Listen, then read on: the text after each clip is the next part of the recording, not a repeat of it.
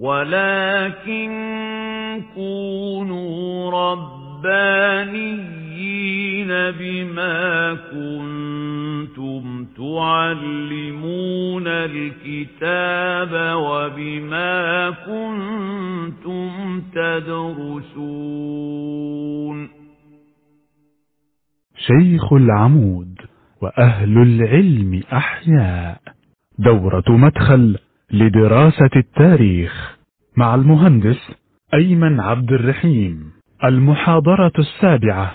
وقد انعقدت هذه المحاضرة يوم الأحد بتاريخ الثلاثين من يوليو عام 2017 من الميلاد. الموافق السابع من ذي القعدة عام 1438 من الهجرة. بعد صلاة العصر بمدرسة شيخ العمود بحي العباسية محافظة القاهرة. طيب كنا ألمحنا في اللقاء الماضي لمجموعة من السياسات التي انتهجها عمر بن الخطاب حاجات متعلقة بالاقتصاد حاجات متعلقة بالاحتفاظ بالتوازن الطبقي مفيش طبقة تستأثر بالأموال والأراضي المفتوحة دون الآخرين زي وجهة نظره في عدم تمليك الأراضي المفتوحة. اثنين عدم أمره نهى الصحابة عن الانزياح في الأراضي المفتوحة. يعني محدش يخرج. محدش يخرج إلا بإذن عمر بن الخطاب. يعني أنا همشي لا ما تمشيش. خلاص؟ طيب أروح أتملك لا ما تتملكش. ليه الفكرة؟ إن هذه المجموعة المجموعة لها من السبق والنسب وكذا لو ترك ليها حرية التملك هيحصل خلل كبير جدا في في في في, في الثروات. لدرجة إن ممكن أصحاب الأراضي المفتوحة نفسهم بعد فترة يحسوا إن في مجموعة دخلت المجموعة دي في الأصل هدفها كان إيه؟ أصلا هدف هدفها الدعوة وفجأة إن أنت بعد فترة بسيطة جدا من من دخولك هذه الأرض تملكت كل الأراضي اللي أنا كنت قاعد فيها وبقيت ملكك وكل الحاجات ملكك والتجارة ملكك فإيه اللي هيحصل؟ لا هيحصل خلل كبير جدا حتى في. يعني إيه في النظرة الاجتماعية وده وده حصل بالفعل خلاص ف عمر بن الخطاب كان حريص جدا على فكرة مثلا عدم التوسع في الفتوح. يعني مش عايز الناس تت... يعني على كده اللي عمله ده وكده وهو كان محجم القيادات العسكرية بتاعته. ليه؟ كان يقول لا وددت لو أن بيني وبين السواد أرض السواد اللي هي العراق يعني أو ملك معظم ملك فارس سور. لا أنفذ منه ولا ينفذون منه يعني لا أنا أروح لهم ولا هم يجوا لي بس إيه؟ قال لك أنا أستبقي دماء المسلمين أفضل عندي من الأنفال. يعني إن أنا استكثر الغنائم لا ده مش حاجة كويسة. إن أنا أحفظ إيه دماء المسلمين وكذا فإيه؟ وكأني ده الهاجس الأساسي بتاعه لأن كثير جدا من المعاصرين دايما يتكلم على الفتوح على أساس إن هي كانت إيه؟ يعني إيه؟ حالة انزياح في الأرض من مجرد للمغنم وبتاع. لا ده دي تفكير واحد من الخلفاء الراشدين. هل في ناس من اللي موجودين في الفتوح كثير جدا من القبائل حركها قدر كبير جدا من الحاجة الاقتصادية والجوع آه كده ممكن. لكن ده لا يفسر لا الثبات ولا الاستمرار ولا اخضاع كل هذه المساحات والفرق العددي مهول جدا فنقدر نقول إن الخيرية غالبة. خلاص؟ مع وجود أثر ولا بد من الحب الدنيا أو أو الخروج أصلا للدنيا. قولي سؤال. في إيه؟ ليه أصلا فتوحات اسلاميه هو ده السؤال؟ طيب إحنا كنا بنقول إن إحنا ال الإسلام الإسلام في الفكرة المركزية بتاعته الفكرة المركزية بتاعته هو التوحيد. خلاص؟ التوحيد ده أن يدخل الناس في التوحيد إما رغب أو رهب. يا إما راغب واحد يجي يقول أنا هاسلم هدخل في الإسلام يعني؟ واحد تاني يا إما بسبب إن هو إيه؟ بقوة أهل الإسلام. طيب الراجل اللي بقوة أهل الإسلام ده إحنا عايزينه بقوة أهل الإسلام يدخل في الإسلام؟ إحنا بنقول عايزينه يسمع عن الإسلام طيب في واحد سمع من الإسلام ومش عاجبه وما دام هو غير مسلم في الأصل القاعدة الأساسية إن هذه القوه اللي هو غير المسلم ده لن يعني لن يريد بقاء الإسلام على هذه الصورة، ليه؟ الإسلام مشكلته إن هو لا يتوائم مع أي حل وسيط. لا يتوائم مع أي حل وسيط، يعني واحد مثلا أصحاب ديانة الكفار عرضوا على النبي حل كويس جدا. يعني حل دبلوماسي. قالوا له خلاص الموضوع سهل، انت تعبد الآلهة بتاعتنا سنة والحل واضح يعني حل بسيط. خلال السنة اللي المفروض الناس هتعبد رب العالمين المفروض النبي ينشط بقى ويدعو الناس. يمكن الناس تحب ده الإسلام لا يتماشى مع ده. ليه؟ لأنه الإسلام جاي كلام واضح جدا. هو إله حق والباقي كله زائف. طيب التعاملات ال- ال- برضه الإسلام جاي يحط منهج متكامل يعني منهج حياة كامل. المنهج ده بيصطدم في الغالب مش في الغالب دائما مع جميع أي حلول أخرى سواء فلسفات إيه؟ هي معركة بقاء بس ما بين الإيمان والكفر. ما بين الإيمان والكفر. فجزء من الوظائف اللي مو... اللي مبثوثه جوه شرائع الإسلام لو المسلمون لو المس... لو المسلمون يقدر... يقدرون على إزاحة جميع قوى قوى الكفر من من آه، نطاق التأثير يعني أنا مثلا آه، عايز في الم- المثال بتاع الفتوحات. أنا جنبي ديار الفرس وديار الروم. لو أنا قعدت كده على طول بهذه الطريقة أنا بتوسع بتوسع في ال- الناس بتخش في الإسلام. طيب الناس اللي بتدخل في الإسلام دي بتطبق إيه؟ تعليم الإسلام. تعليم الإسلام دي هتتماشى إيه مع التعليم اللي موجود عند فارس أو الروم في الغالب مش هتتماشى على أي حاجة. يعني هنيجي نتاجر هنقول والله معلش التجارة أصل ده حرام وبتاع. طب في الزنا؟ لا والله أصل ده الزنا محرم. طب الخمرة؟ لا أصل دي محرمة. طب إحنا عايزين ندعو الناس اللي عندكم. ليه؟ لأن النبي صلى الله عليه وسلم نبي خاتم. فآخر الأنبياء يعني آخر رسالة آه، صحيحة موجهة من السماء إلى أهل الأرض آه، للتعرف على رب العالمين هي دي الرسالة. فأنا من واجب الرسول وواجب ورثة الرسول إن هم يبلغوا هذه الرسالة. ففي واحد بيقول لي لا أنت ما تبلغش. ده أنا مش عايز حد يسمع حاجة لأن أنت لو سمعوا حاجة أنا كل فأنا بضطر إن أنا أزيح هذه القوة مش عشان الناس تدخل في الإسلام عشان تسمع الإسلام. طب افرض سمعوا ما دخلوش خلاص. يبقى هو الراجل مش مكره. عشان كده سيدنا ربيع بن عامر قال إيه؟ ابتعثنا الله لنخرج العباد من عبادة العباد. الأول. ومن عبادة العباد إلى عبادة رب العباد. لو دخل كان بها. لو ما دخلش خلاص بس على الأقل هو مش أبقى ضامن ان هو مش مستكره. خلاص كده؟ دي مساحة. في واحد تاني هيقول لي إيه؟ بيقول لي والله خلاص أنا يا سيدي على ديني. أنت مش بتقول الدين ده اختياري؟ أنا فهمت أنت بتقول إيه. خلاص؟ ومش عايز أدخل في دين الإسلام. خلاص؟ وأنت حر. عايز تدعو تدعو. أنا مش منعك. يعني انت لو عايز تبلغ هذه الرسالة معاك أنا لا امنعك خلاص؟ ولكن أنا شخصيا وكل من تحتي اللي هي امرأة عليه وبتاع مش عايزين يدخلوا في الإسلام. ده في مشكلة فبقول له والله خلاص. أما اختيارك الشخصي فلك أما إن أنا أسمع الناس فدي ليه؟ ليه أنا يعني إيه؟ مش مش أنا أنا شخص أنا الرسول. أو ور- وريث الرسول. فأنت لو هتسيبني أدعو خلاص. فأنا عندي حالت- حالتين. حالة إن أنا متروك إن أنا أدعو دي حالة كويسة. أو الحالة الثانية إن أنا ممنوع إن أنا إن أنا أدعو. فدي أنا بزيح هذه القوة. أو حاجة أسوأ من كده إن هو لا. ده كمان مش هيخليني أمر. لا ده هو كمان هيهاجمني أنا. فبيقول لي لا والله أنت هتقعد هتعمل مشاكل. فأنا ههاجمك في الثلاث أحوال أنا إيه الحالة الأولى هقتله الحالة الثانية هقتله الحالة الأخيرة لا خلاص أنا في حالة في حالة معاهدة وأنا بتحرك في هذه الأرض بالدعوة كده.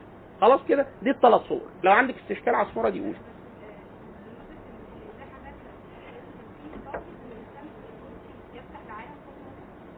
مش يفتح قصدك يفتح بالفتح العسكري يعني؟ لا مش ده الهدف وإلا الصورة الثانية ما فيهاش فتح عسكري. الصورة الثانية إن الناس قبلت إن المسلمين يدخلوا هذه ال- الديار ويسمعوا الناس كلمة كلمة الله عز وجل. لو سمحوا بده خلاص. من غير فتح عسكري وده حصل في مساحات كبيرة جدا. إن المسلم بيع- بي- بي- بيعاهد هذه أصحاب هذه الديار. فبيسيبونا أتحرك. فبتحرك خلاص. كده أنا وظيفتي إن أنا إيه؟ إحنا كده رجعنا للصورة الأولى إن لو في رسول عايز يسمع الناس كلمة الله عز وجل فلو سمعوها خلاص لهم الحق في الإيمان وفي الكفر. لا إكراه في الدين قد تبين الرشد من الغي لو أنا مسموح لي أنا أتحرك كده خلاص أنا بتحرك.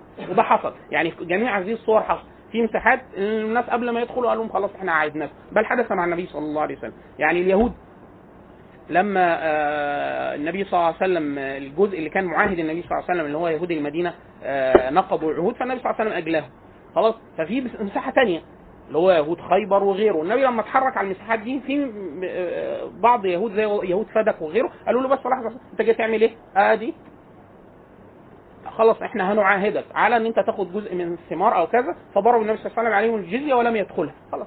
وهم سامعين بدعوة النبي صلى الله عليه وسلم عارفين هو عايز إيه ومش ورافضين. عشان كده النبي صلى الله عليه وسلم لما حصر يهود خيبر فواضح كده يقول لك إيه؟ هم يهود خيبر اجتمع فيهم جميع من. من نق- نقضوا العهد مع النبي صلى الله عليه وسلم والنبي عرف ان هم مش هيقعدوا كده ساكتين هم بيقلبوا عليه وعاملين يعاهدوا القرشيين وغطفان زي غزوة الخندق. فراح النبي صلى الله عليه وسلم حاصرهم بعد ما عمل صلح الحديبية مع قريش. فيتصور إن النبي كده ده خد خيار عسكري. يعني الخيار العسكري هو الأهم. لا الخيار اللي اهم على الإطلاق هو إيه؟ على الإطلاق. هو الدعوة إن يدخل في دين الإسلام. واحد يقول لك لا هم دول اليهود اللي هم قلبوا عليه إن هم آه برضه الخيار موجود. مش كده النبي صلى الله عليه وسلم في الحديث المشهور؟ حديث يروى في فضائل علي بن أبي طالب رضي الله عنه لما قال إيه؟ لا أعطين الرايه آه، غدا ر- ر- رجل يحب الله ورسوله ورجل يح- يحبه الله ورسوله. فأتى الناس يعني يزدحمون على النبي صلى الله عليه وسلم كلهم يعني إيه؟ يتشوف أن يعطيه النبي صلى الله عليه وسلم الرايه فسأل النبي صلى الله عليه وسلم عن علي فقال هو- فقالوا له يشتكي عينه فجاء علي بن أبي طالب يشتكي عينه فالنبي صلى الله عليه وسلم تفل في عينه ومسحها فايه فبرئ. ثم أعطاه الرايه ثم قال ادعوهم إلى الإسلام. ادعوهم إلى يعني أنت إحنا خلاص محاصرينهم. يعني إحنا ما هنعمل بيهم إيه؟ إحنا لا عايزين الأول لو أسلموا يبقى حي هل هذا ما بعث به محمد صلى الله عليه وسلم. قال له إيه؟ أول ما تفعل ادعوهم إلى الإسلام. فلأن يهدي الله بك رجلا خير لك من حمر النعم. الأول تدعوهم للإسلام. طب ما هو اليهود ويعني عشان كده بعض الناس في في شراح الحديث يقولون إيه؟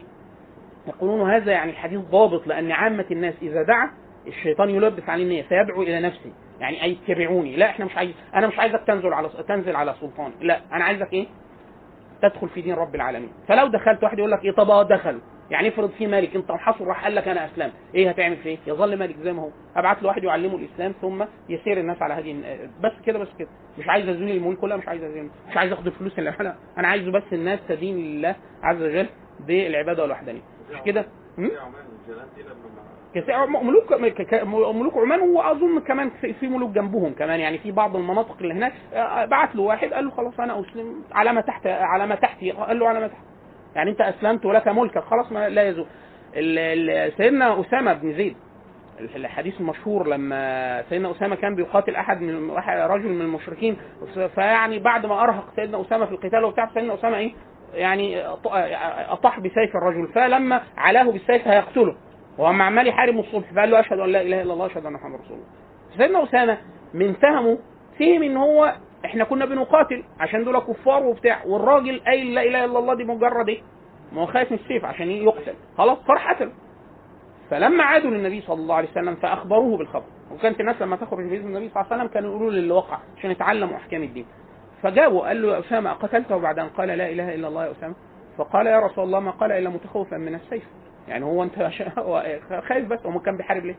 قال أقتلته؟ بعد أن قال لا إله إلا أسامة. فكيف تفعل بلا إله إلا الله إذا جاءت يوم القيامة؟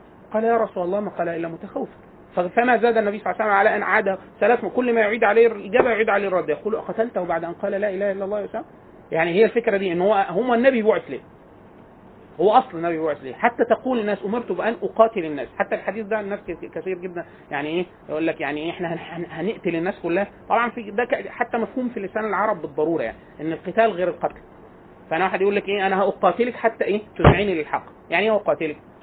يعني هذا الدفع. الدفع. يعني أنا هشوفك تندفعي بإيه؟ لو شخطت فيكي واندفعتي كان بها. خلاص؟ لو مسكناكي ضربناكي كان بها. لا يندفع إلا بالقتل قتل. خلاص؟ فالقتال أمر أوسع بكثير جدا من القتل. القتل دائرة بسيطة جدا جوه الإيه؟ القتال. عشان كده القتال يرد كثير كثير جدا في السياقات مع المسلمين. وإن طائفتان من المؤمنين اقتتلوا. آه فالقتل القتل قتل. مفاعله خلاص؟ وحتى أحيانا صيغه المفاعلة لا تفيد مش لازم دايما اللي هي التبادل لا هو أنا أنا هدفعه. أنا هدفعه حتى يندفع.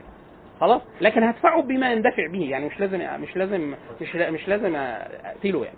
خلاص؟ أمرت أن أقاتل الناس حتى يشهدوا أن لا إله إلا الله وأن محمد رسول الله. فإن قالوها عصموا مني أموالهم ودماءهم إلا بحقها وحق الصلاة والزكاة. خلاص؟ الإيه؟ هو إن قالوها عصوا مني فده معنى القتال. هو الد- الد- الدفع الدفع ولا بد يعني المال. المال ما انت انت كل ده هتندفع بيه ممكن أخد فلوسك. يعني هو المعنى الواسع المعنى الواسع بتاع القتال جوه القتل.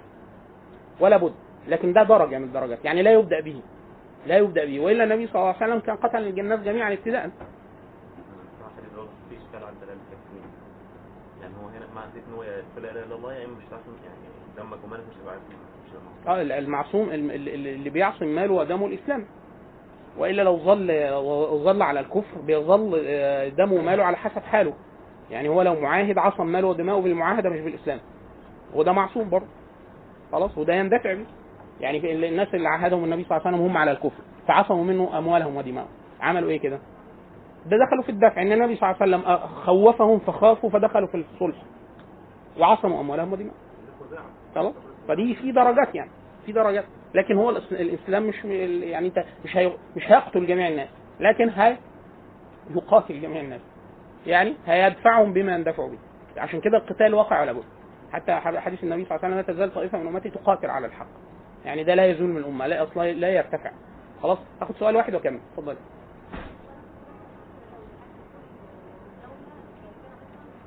سيبك من كلمة دولة. خليك الكفار لأن كلمة دولة دي هتدخلنا في مساحة ثانية خليك في الكفار. آه. في الأصل إن أنا لو مت- متاح لي إن أنا أو إن أنا أدعو وهو لا يقاتل المسلمين خلاص حي هلا آه آه. هو هو تجاوز هو تجاوز مرحلة إن أنا إن أنا أزيله. أنا عايز أزيله ليه؟ أنا عايز أزيله ليه؟ ماشي ماشي. ما هو أصلا أنا لما أسيب لو هو أنا في ديار الإسلام لو أنا سبت واحد يبقى مسيحي ولا يهودي ولا مجوسي من بداها إن أنا سايبه ليه ملبسه ومأكله ومشربه والمناكح بتاعته طريقة النكاح والأشياء المحرمة والخمرة وكل ده سايبه سايبه ليه؟ لأنه هو أصلا لا يلتزم بتعليم الشريعة. اللي أنا ملتزم بيه في في حال- في حاله النظم السياسية إن هو إيه؟ إن هو لا يحول دون وصول الرسالة إلى هؤلاء الناس. لو لم يحل خلاص هو كده في حاله.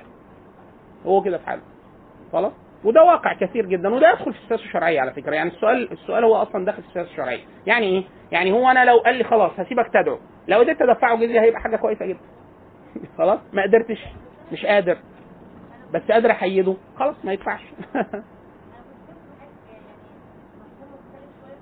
اللي هو؟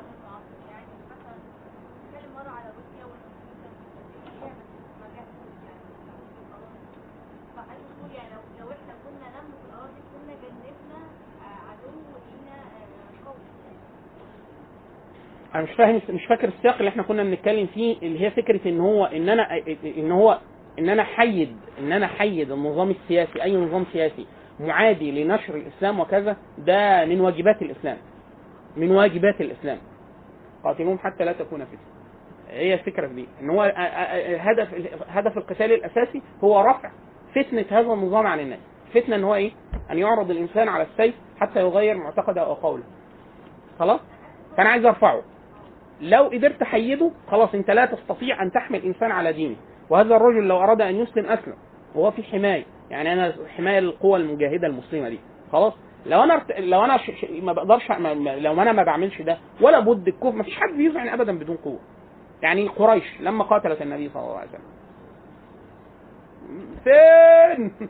لما يعني النبي حصرهم اقتصاديا وغزوة واثنين وثلاثة وحصروه ويعني صمد وبعد كده قلب عليهم ال- الموضوع وفي ناس أسلمت فقطعت عليهم سبل التجارة زيادة وبتاع من اليمن فبقي محاصرهم من الشام ومن اليمن. يعني حتى يعني أجازتهم الحرب دخلوا في النبي صلى الله عليه وسلم في الصلح. لما دخلوا في الصلح برضه ما قعدوش على حيلهم. يعني ظلوا على على بغض النبي صلى الله عليه وسلم وقتاله وبتاع حتى النبي صلى الله عليه وسلم عاد في فتح مكة. لما كده حيدهم. خلاص اليهود. دخلوا في وثيقة المدينة. ولا واحد من اللي دخل في وثيقة المدينة استكمل عهده مع النبي صلى الله عليه وسلم. ودي جزء من الحاجات المبثوثة في القرآن إن إحنا بنعمل ده من باب العدل. يعني واحد يقول لك إيه أنت تعلم إن الكفار ولا بد هم يمقتوا الإسلام. ليه؟ لأنه بيمقت بيمقت بيمقت التوحيد بيمقت بيمقت العبودية لله عز وجل. فهو كاره لده وده معنى الكفر. ده معنى الكفر. إن هو يعني بيغطي الحق الحق اللي هو إن هو عبد لله عز وجل وحده. خلاص فهو كاره ده. فأنا عارف ان مآلات الأمور يعني هتذهب في الآخر إن هو قاتل الإسلام واهله بس أنا لا ابتدي أنا لا ابتدي أنا بعرض عليه الأمور. بقول له عايز تحيد نفسك حيد نفسك. بس تسمح لي بالدعوة. لو كذا كذا بعرض عليه أشياء. وكذا فعل الصحابة في, في الفتوح الأولى. عرضوا عليهم أشياء. قالوا لهم إن أنتوا تدخلوا فيما دخلنا فيه من الإسلام. خلاص نرسل لكم من يعلمكم الدين وخلاص. طب مش عايزين كده ادفعوا الجزيه مش عايزين كده خلاص. إحنا بنقول لكم أهو يعني إيه؟ إن في قتال هيقع. إحنا عشان ما إحنا إحنا, لا نغدر ولا نهاجم بدون بدون دعوة. خلاص؟ ده في الأصل. ده الأصل. يعرض عليه أشياء بسبب القوة على حسب حال المسلمين وقوتهم وكذا. لكن المسلم لو هو حاطط في ذهنه إن ده إن ده ده جزء من وظائفه سلوكه هيبقى مختلف. يعني لو حد قرأ تاريخ الدولة العثمانية لغاية 1550 مثلا تلاقي العثمانيين فاهم الفكرة دي. فاهم فكرة اللي هي الغزو. خلاص؟ وإن كان شبه بعض الأشياء. لكن لما هو مسيطر عليه الفكرة دي تخيل المسلمين يرحمك الله من أول دلوقتي عمر بن الخطاب وعثمان عفان اللحظة اللي إحنا بنتكلم فيها لغاية آل عثمان ومحدش عارف يخش القسطنطينية. وما دام مش عارف يخش القسطنطينية القوات عمالة تخرج من هذه البلاد. تهاجم ديار الإسلام. خلاص؟ وتسبي وتقتل وبتاع مش عارف إيه. لما جه العثمانيين موضوع طق في دماغهم قال لك إيه؟ عليا النعمه البتاعه دي ما قاعدة خلاص؟ فحشد كل قوته أزالها من على الأرض. أزالها. أزال حيدها تماما. دخل هذه البلاد بالقوة. إيه اللي حصل؟ المسلمين بقوا يعني مساء اللي هو إيه بدل ما إحنا كنا مزنوقين في أرض روم وبديار بكر وبتاع إحنا اللي هو إيه محاصرين فيينا مرتين. واخدين بلغاريا المجر. يعني إحنا إيه؟ نقلنا القتال بعيد تماما عن جزيرة العرب. تماما. وعن مركز الإسلام. وكل هذه البلاد إيه يعني في مساحات منهم كبيرة جدا دخلت في الإسلام.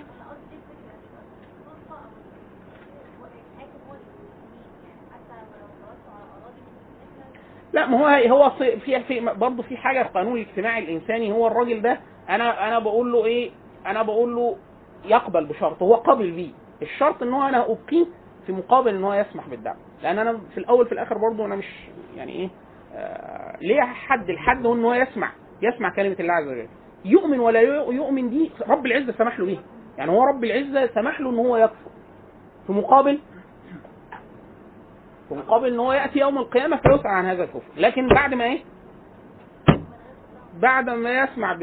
يسمع حجة رساليه صحيحه لحظة. واحدة طيب في نهاية في في في نهاية عهد عمر بن الخطاب واضح جدا إن عمر بن الخطاب معظم السياسات معظم السياسات اللي خدها اللي خدها كرست الحاله واحد من العدل اثنين آه، آه، آه، انتشار الاسلام الدعوة نفسها انتشار الرقعة نفسها. يعني هو وهو كان خايف ويعني محجم المسلمين وكده. لا كمان الرقعة. الناس بتدخل في دين الإسلام. كثير جدا من الناس لما تسامعوا بالإسلام يعني من أشهر النماذج اللي احتكت بعمر بن الخطاب للنموذج الهرمزان. قائد القوات العسكرية بتاعة الفرس لما المسلمين المسلمين قعدوا 18 شهر تقريبا محاصرين حصن اسمه تستر في فارس. الحصن ده كان أعجوبة يعني معمارية وتحصين عالي جدا وكان في مجاري مية تدخل له وبعد كده هذه المجاري تصب في أنابيب من الرصاص لغاية البيوت. كانت حاجة تحفة يعني. خلاص. والمسلمين معاهم برضو سلاح في حدود اللي كان موجود مع العرب في الوقت ده وفي الفتوح. ف 18 شهر محصرين الحصن مش عارفين يتجاوزوه 18 شهر. لغاية ما في من الأشياء التي حدثت لهم واحد رمى لهم سهم لقائد المسلمين قرا الرسالة فقال له إيه؟ قال له على فكرة إن قائد الحصن يعني الراجل بيعاملنا معاملة زي الزفت ومفيش عدل وظلم وبتاع وإحنا سمعنا بالعدل اللي عندكم وكذا فلو أنت تعطيني عهد بإن أنا آمن في أهلي ومالي وأموالي والناس اللي معايا ادلك على عورة الحصن. دي حتة لو دخلتوها تعرف تخش الحصن. فالراجل بعت له نفس من نفس الحتة اللي اترمى منها السهم بعت له سهم قال له إن هو إيه؟ لك علي لك لك هذا العهد إنك لو دللتني. فقال له لا بص شوية كده وهيجي لكم واحد من طرف يجي لكم منين؟ ده إحنا محاصرينكم 18 شهر. ما فيش نملة تعرف تدخل ولا ده شوية له واحد عنده. ده جابوه إزاي؟ ده بعد رموه بسهم. فقال له لا الممرات المية اللي بتخش المدينة في حتة لو دخلتها صعبة جدا وعايزة فرسان أقوياء وراجل أشداء وإلا المية هتجرفه. أنا ادلكم عليها. المهم دخل سيدنا مجزاه بن ثور ومجموعة معاه راح قال له إيه؟ هي دي. هو ده المكان اللي تدخلوا فيه. وبعد كده المسلمين دخلت طبعا هي الفكرة في إيه؟ إن هو حتى اللي دلهم ده عايز برضه جهد عظيم جدا إن مجموعة صغيرة جدا هتدخل. المجموعة دي تقتل كل الحرس اللي على الأبواب ويفتحوا باب عشان المسلمين يخشوا. يعني اللي هو إيه؟ برضه أنت باعت ناس يعني المجموعة اللي دخلت دي قدرت تعمل كده وفتحوا الحزب. وبعد كده حصر الهرمزان اللي هو قائد الفرس ده القائد. فقال لهم أنا معايا 100 سهم. معايا 100 سهم. هتمسكوني. آه وهتقتلوني. آه بس هقتل منكم 100 واحد قبل ما تمسكوني. أعرض عليكم حاجة أحسن من كده إن أنتم فقالوا له إيه قالوا له قال لهم سلموني للخليفة. بس حي ما حدش يمد إيده عليا. فقالوا له ماشي يعني أنت هعمل فيك اقتلك تعالى يعني ما هو يعني كان قتل قتل اثنين ثلاثة من الصحابة ومن مقاتلي الصحابة. خلاص؟ يقال إن هو قتل سيدنا مجزاء بن ثور سيدنا براء بن مالك آه، آه، قتل في سيدنا براء استشهد في الفتح. آه. لا براء لم يقتل في حديقه الموت ولم يقتل. ولم يقتل. سليم. هو مات في الحصن ده. حتى حديث هو مصداق القول النبي صلى الله عليه وسلم إن من الأنصار آه، لو دعا لو أقسم الله لا بره هو فإن براء أقسم على الله عز وجل في حصن في التستر. هو قتل في تستر قال اللهم يعني أقسمت عليك إلا منحتنا اكتاف الكفار وأن تجعل البراء أو البراء أو الشهيد فقلت سيدنا البراء في فتح تسلم وبرضه هو كان يعني عشان كده كان كل الناس يعني الهرمزان كان مشكلته ثقيله يعني سيدنا البراء اتقتل في الفتح سيدنا مجداد بن قتل في الفتح قتل ناس كتير يعني. خلاص؟ لكن البراء هو البراء عمل كده في حديقة الموت وما ماتش.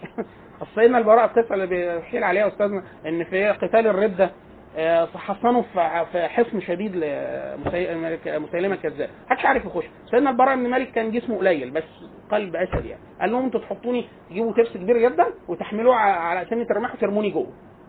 طيب وبعدين؟ هيرموني جوه. أنا بس أنا كفيل بيهم. رموه جنب الباب. ده قتل كل اللي حوالين الباب وفتح لهم الباب.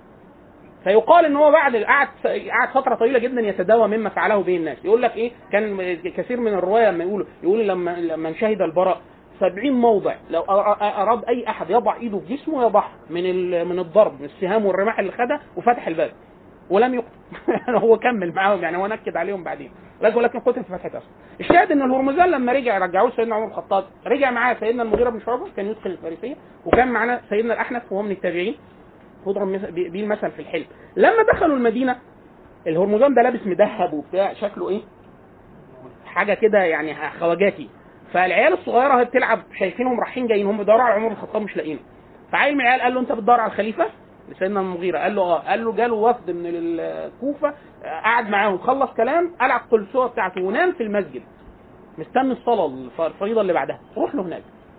فدخل. سيدنا المغيرة عارف إن النبي سيدنا عمر الخطاب كان بينام قليل جدا. يعني قيام ليل وحرس للرعية وبتاع فكان بينام قليل جدا. فدخل ليه نايم. فقال لك أنا ما أزعجوش. قال له اقعد وقعد هم الثلاثه مستنينه يصحى الصلاه أول ما تتأذن. فسيدنا آه، آه، ال- ال- الهرمون كان من أصحاب الاطلاع على الكتب القديمة. فعارف وصف الأنبياء وال فبص له كده. هو مش عارف مين ده. وبعد كده كلم المغيرة. يعرف يعرف فارسي قال له مين ده؟ واحد نايم هدومه مقطعة. وبتاع. ونايم على حصى. قال له مين ده؟ قال له ده عمر بن الخطاب الخليفة. قال له اذا هو نبي. يعني ما بيعملش الح... ده هو فتح ده أسقط ملك فارس. اللي قاعد ده. يعني اللي هو دو المسجد حصى مش حتى مش مفروش. وبتاع فقال له اذا هو نبي. قال لا إذ لا نبي بعد محمد صلى الله عليه وسلم ولكنه يفعل فعل الأنبياء. هو عامل نبي. يعني واحد يعني إيه عامل نبي؟ يعني خليفة النبي. يعني يفعل فعل النبي لكن بلا وحي. يعني هو مش نبي بس يعمل زيه. خلاص؟ فلما الناس كترت أول ما جايين يتفرجوا على الهرمزات. أول ما كتروا في المسجد يقول لك بص شايف بيلمع وبتاع. قعدوا يتفرجوا عليه لغاية ما الصوت عالي لغاية ما سيدنا عمر الخطاب صحي. فأول ما صحي بص شاف الهرمزان. سيدنا عمر الخطاب كان يعني آه، يعني عبقري وعنده حس عالي جدا كان ملهم. فوصل له كده قال له هرمزان. يعني هو أنت. لأنه كان إيه يعقد معاهدات مع المسلمين ويغدر يعقد ويهدي فكان وقتل ناس من الصحابة وكان اسمه جه كتير قدام عمر الخطاب. فقال له آه بتاع فقال له آه ماذا فعل بك يعني الغدر والخديعة واللي عملته مع المسلمين وكده؟ وخلاص سيدنا عمر الخطاب هيقتله يعني هو قال له قالوا له ده هو قال ما نزلش غير على حكم عمر الخطاب. قال لهم ماشي كويس يعني ما هيقتل خلاص. فالهرمزان إيه؟ قال له أنا عايز أشرب عايز أشرب مية. سيدنا عمر الخطاب قال له حد يجيب له كوباية مية. فجابوا له. فمسك الكوباية وإيده بتتهز. فعمر الخطاب قال له مالك؟ فقال له أخشى أن تقتلونني قبل أن أشرب الماء. فقال أنت آمن حتى تشرب الماء. فراح كبه فقال له هاتوا له كوبايه ثانية فقال لا كنت استامن يعني أنا عايز بس ما حدش يقتلني قال لا والله إني قاتله أنت هتروح فين؟ أنت تشرب الماء وهقتلك دلوقتي. ليه؟ لأن هو يعني هو فعل ما فعله غدر بالمسلمين. هو مش فكرة ان هو عايز يقتله خلاص. ف... فقال له لا قد أمنتني. قال لا لم آه، لم اؤمنك فسأل قال له طب اسأل. اهو المغيرة مش أمني؟ قال له قد أمنت يا أمير المؤمنين. سيسأل الاحنف بن قيس. قال قد امنته قال ويحك كيف اؤمنه وقد قتل أخوك؟ سمى له الصحابة وبتاع. فقال له بس أنت قلت له هو آمن حتى يشرب الماء. وهو الثاني غلس مش هيشرب الماء كبة. خلاص؟ فعمر الخطاب بص له قال أنا قال له أنا لا أنا أنا لا أنخدع إلا لمسلم. يعني إيه؟ يعني ما حدش مش كافر اللي يعمل فيها الحركة دي.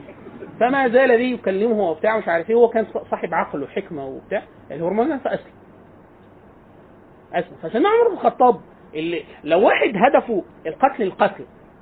أول ما يشوفوه هاتوه ابن البتاع ده واقتله ده ده اتكلم وراح وبتاع مش عارف إيه. وصار بعد كده مستشار عسكري سيدنا عمر الخطاب سيدنا عمر الخطاب كان يستعين برأيه. يقول له إحنا ناخد الحصن ده ولا ده؟ يقول له لا. بص لف كده واعمل كده لأنه طبعا هو إيه؟ قائد عسكري. هو الحاجات دي كلها بتاعته يعني. خلاص اعان المسلمين ثم قتل. يعني قتلوا ابن عبد الله ابن عمر بن الخطاب. لما طعن عمر بن الخطاب شكوا فيه إن هو فخده بالظن يعني. قتلوا يعني ولم تثبت عليه شيء يعني هو قتله ظنا أنه. ساهم في قتل عمر بن الخطاب. لكن الشاهد سيدنا عمر بن الخطاب في ختام عصره إحنا نقدر نقول ال- ال- ال- المشهد اللي موجود. خلاص ما فيش ملك فارس. خلاص المسلمين أسقطوا ملك فارس. اللي متبقي بس إيه؟ يعني كده بس إن المسلمين يستتب لهم الأمر في حكم المدن. لكن خلاص المسلمين استقر لهم الأمر. اثنين المسلمين دخلوا مصر.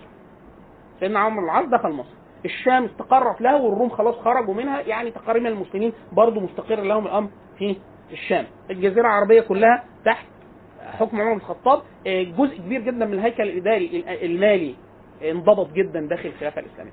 سيدنا عمر بن الخطاب من القرارات التي أشار بها ولم يفعلها؟ يعني لم يقطع فيها؟ قال لهم لا تستكثروا من العبيد العجم.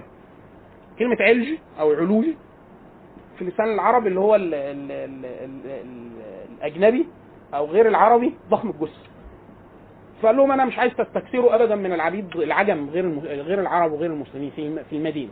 ولكن كان سيدنا المغيرة بن شعبة وسيدنا العباس من ممن اكثروا في هذا كان واحد منهم اسمه آه، أبو اللؤلؤة المجوسي مما ممن استخدمهم آه، سيدنا المغيرة بن شعبة. هذا الرجل يعني طبعا لحقدين حقد حقد على الإسلام نفسه وحقد أنه الراجل ده تم يعني آه، آه، أراضيه فتحها هؤلاء الناس. يعني بلاده كلها سقطت في إيد آه، هؤلاء الناس بقيادة عمر بن الخطاب. فطعن سيدنا عمر بن الخطاب في صلاة الفجر عدة طعنات مات من اثرها وطبعا عدد كبير جدا من الناس في في الصلاة. وقتلهم برضه لما است... لما حس ان في واحد من المسلمين معاه بردة كبيرة يعني إيه لفوا بيها بحيث ما يعرفش حاجة لما حس إن هم يقتلوه قتل نفسه. خلاص؟ ثم عمر بن الخطاب استشعر أنه ميت فصار السؤال مرة أخرى تاني اللي هو إيه؟ كيف يستخلف عمر؟ خلاص إحنا أبو بكر قال عمر بن الخطاب الناس بعد كده بايعت عمر بن الخطاب فصار خليفة. النبي صلى الله عليه وسلم تركها فالناس أجمعت ديانة على أبو بكر الصديق. طيب عمر قال لا. سيدة الناس قالوا للسيدة حفصة خش كلمي سيدنا عمر الخطاب نفهم منه هيعمل إيه. فقال لها يعني إن أترك لو أنا سبت المسلمين كده من غير خليفة هم يختاروا لنفسهم فقد فعل رسول الله. يعني أنا لا اعين احد ولو عينت أو استخلفت فقد فعل من هو خير مني يقصد أبو بكر الصديق. فالسيده حفصة بتقول إيه؟ تقول فلما سمى رسول الله صلى الله عليه وسلم علمت أنه لا يترك أمر رسول الله لفعل أحد كائنا من كان، يعني لما قال النبي وابو النبي وأبو بكر يبقى هو هيعمل إيه؟ هيعمل زي النبي. إن هو هيسيبها، هيسيبها مفتوحة، يعني مش هيعين واحد بعيد. خلاص. وإلا لو خير لا هيختار أمر النبي صلى الله عليه وسلم، ثم قال والله لو كان أبو عبيدة بن الجراح حي لأمرته. لكنت استخلفته. فلو سألني هنا بقى الفكرة إن هو كل ده بيعمل إيه؟ عشان ربنا يسأله. يقول له أنت استخلفت عليهم مين؟ فهو مش عايز يقول, أنا أتحمل اسم الخلافة وأنا عايش أتسأل عليها وأنا عايش وأتسأل عليها بعد وأنا ميت لأن أنا اللي وليته. لا أنا ما أعملش كده. أنا أسيبها في امره المسلمين المسلمين اللي يختاروا ولما يتسألوا هم يتسألوا ما تسألش أنا. بس أنا لن يعني أنا هبذل لهم النصيحة. خلاص. طيب. هتختار آه، هتختار آه، حد لا تتحمل اسمه؟ لا أنا ما أتحملش اسمه. طيب هتختار مين؟ أبو عبيدة بن الجراح. اشمعنى لو كان حي؟ قال لأن سمعت رسول الله صلى الله عليه وسلم يقول لكل أمة آمين وأمين هذه الأمة أبو عبيدة بن الجراح. فلو سألني عنه الله عز وجل يقول سمعت رس... نبيك يقول كذا كذا كذا برضه بإيه الراجل؟ بي- بيأمن نفسه. قال لكن أنا أنا أتركها في في بين ستة نفر توفي عنهم النبي صلى الله عليه وسلم وهو عنهم راضي في ستة أنا بقول إن الستة دول هم يقعدوا ويختاروا ما بينهم واحد. هم اللي يختاروا بس أنا ليه مختارهم الستة دول؟ لأن توفى النبي صلى الله عليه وسلم عنهم وهو, وهو عنهم راضي مين؟ بقية العشرة. بقية العشرة. إحنا عندنا العشرة مبشرين بالجنة مش هم العشرة بس المبشرين بالجنة اللي بشرهم النبي صلى الله عليه وسلم في حياته لا النبي صلى الله عليه وسلم بشر يعني داخل في قول النبي صلى الله عليه وسلم بضع آلاف تقريبا. لكن آه، ليه العشرة؟ لأنهم ذكروا في حديث واحد متتابع، يعني النبي صلى الله عليه وسلم قال أبو بكر أبو بكر في الجنة، عمر في الجنة، عثمان في الجنة، آه، علي في الجنة، سعد بن أبي وقاص في الجنة، سعيد بن زيد في الجنة، طلحة بن عبيد الله في الجنة، زبير بن عبد في الجنة، واختلف العاشر أو التاسع، لكن وعبد الرحمن بن عوف وسيدنا عبد الله آه، أبو عبيدة آه أو لا على خلاف، لكن الشاهد إن هو سماهم فين؟ ف- فقال أنا السته اللي متبقين سيدنا عبد الرحمن بن عوف سيدنا عثمان بن عفان عثمان بن عفان سيدنا علي بن أبي طالب سيدنا سعد بن أبي وقاص سيدنا آه، آه، زبير سيدنا طلحه سيدنا زبير سيدنا طلحه ادي الستة قال دول إيه يقعدوا مع بعض وإيه؟ ويختاروا. خلاص؟ ويحضر الأمر عمر عبد الله بن عمر. عبد الله بن عمر من الفقه والدين وليس له من الأمر شيء. يعني عبد الله بن عمر هيحضر استشاري. لكن في الناس يقول لك إيه؟ لا بص الخليفة هو أكيد كان عايز ابنه. آه، فإحنا برضه نراعيه في ابنه. لا. يحضر وليس له من الأمر شيء. يعني ده أصلا مش داخل في القسمة. بس هو يشير بالرأي والفقه والدين لأن سيدنا عبد الله بن عمر يعني أدرك الأمر الأول. خلاص؟ فالناس اجت- اجتمعوا هؤلاء الستة على في في في في, في, حياة عمر. لسه كان الطعنه لم تقتله. يعني قعد فترة هو. خلاص؟ ما ما ما, ما استقروش. يعني ده لا آه ما تستقروش على واحد.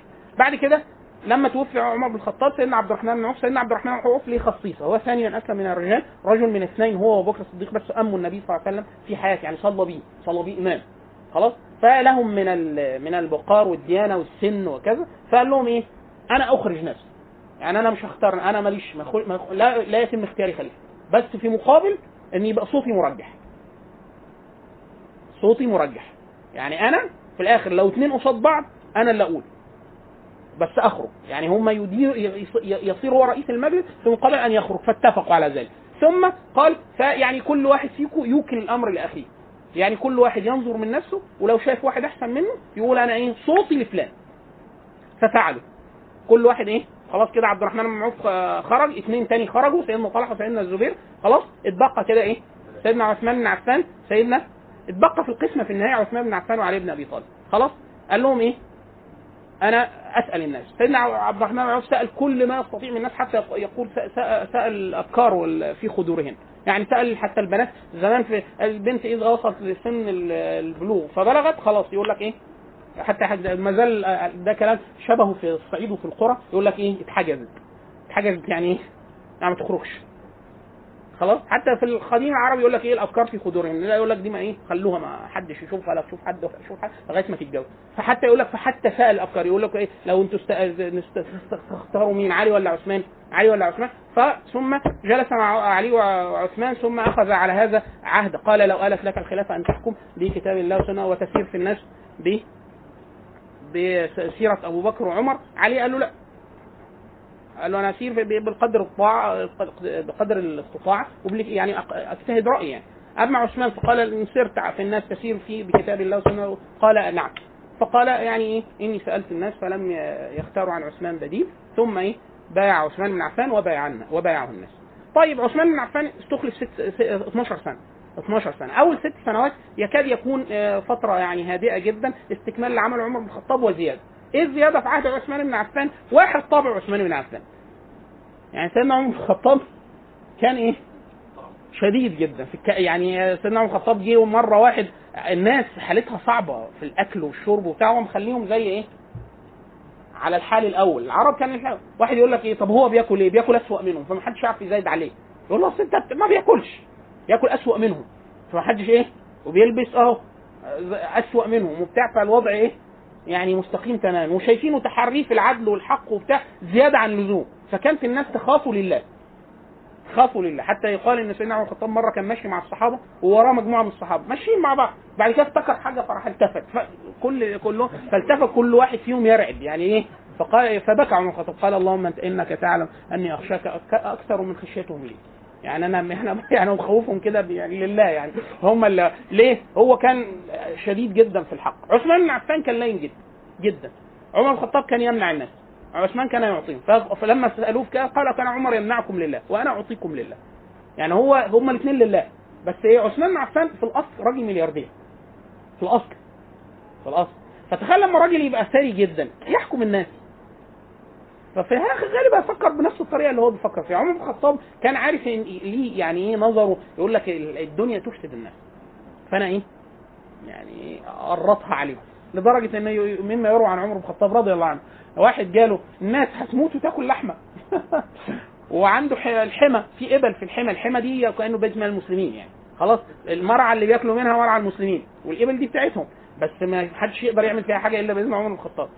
ففي واحدة يعني الناقه شكلها مريضة بتاع مش عارف إيه. فقالوا له على فكرة في واحدة مريضة نذبحها. فقال لهم لا تذبحوها ليه؟ ليه تذبحوها؟ فقالوا الناس تاكل منها وبتاع. فقال لهم لا الناس كده كويسة وبتاع وما تضغوهمش وتدخلوا عليهم من الدنيا ما يفسدهم وبتاع. فواحد قال لهم أنا هحتل ليكم يعني. فراح قال له على فكرة تموت وهتبقى في رقبتك. ربنا يسألك عليها وبتاع. فقال له لا خلاص اذبحوه. بس ولموا يعني جمعوا الناس والناس تاكل كلها يعني. خلاص؟ فجابوه. يعني طبعا تأكل تأكل رقم ضخم ووقتها الناس كانت ما بتحفش زي دلوقتي فبرضه كانوا ياكلوا رقم مضاعف فجابوه. ففي الوقت ده كان جاي واحد مرسال جاي من العراق. فعمر الخطاب قال له إيه ده؟ فبيقول لهم إيه ده؟ فقالوا له أصل الخليفة أمر بإن تذبح ناقه والناس تاكل وبتاع. فقالوا تاكل معاهم ولا تستنى تتغدى معايا؟ فقالوا لا اتغدى معاك. لا الناس بتاكل. يعني الناس بتذبح لها خروف ضاني أكيد إحنا هيبقى حاجة من أبو شقرة مثلا. فأكيد هياكل حاجة أحسن. فقالوا لا استنى معاك. استنى الناس خلصت أكل وقعد معاه. فالناس إن عمر طلع طبق فيه ملح طبق فيه زيت عيش ناشف. قال له يلا. بكمل. فقال له يعني إيه يغفر الله لك. طب يعني يا أمير المؤمنين الا أخبرتني يعني إن ده أكلك وده اكلنا فقال له يعني أنا أنت أنا لا سألت أنا قلت لك يعني أنت تاكل معاهم ولا تاكل معايا؟ أنت قلت لي معايا. فاهو أنا معاك. هو ده أكل عمر بن الخطاب. خلاص؟ فعمر بن الخطاب كان سيدنا سي- الصحابة صح- صحابة النبي أشفقوا عليه. من اللي بيعمله في نفسه في الأكل والشرب والبتاع لدرجة سيدنا علي بن أبي طالب مما يروي عن عمر بيقول في وقت يوم حر جدا يعني وهواء ورملة وسخونه لدرجة إن لا يخرج أحد من بيته. في وقت إيه؟ وقت الظهيرة يعني الوقت اللي هو ده في الجزيرة. الجزيره العربية يعني الناس هتموت من الحر. فقالوا لقيت راجل الريحة تقتلعه. ماشي عمال وده ماشي برضه. وبيبعد يعني مش راح ناحية العمران. فقعدت أشاور له يجي على البيت. فقرب. فقال فاذا هو عمر؟ وهو خليفة. فقال يعني إيه؟ يرحمك الله. ما الذي أخرجك الساعة؟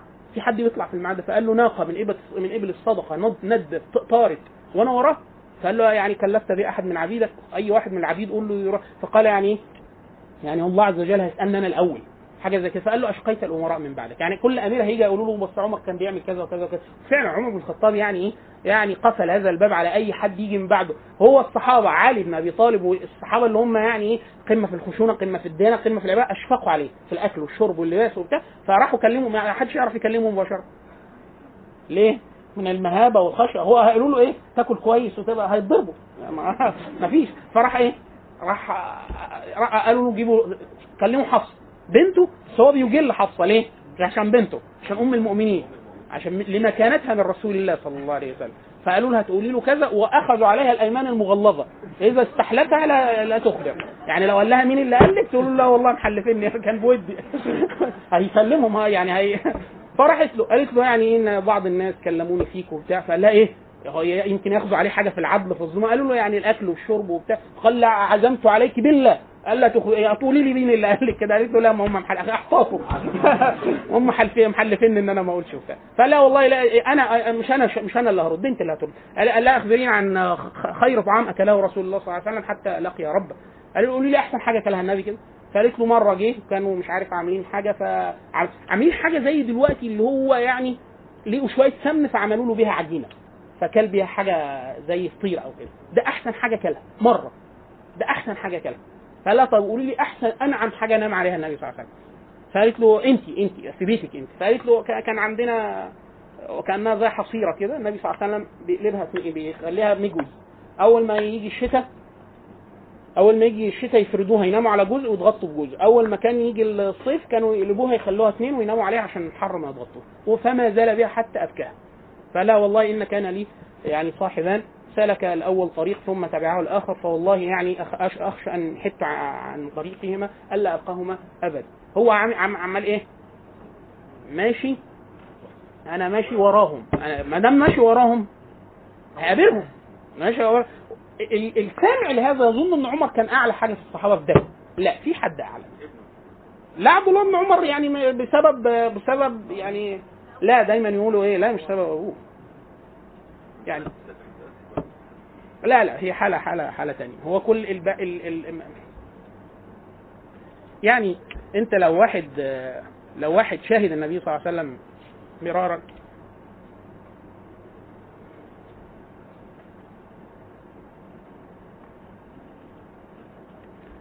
دعنا من حديث عبد الله بن.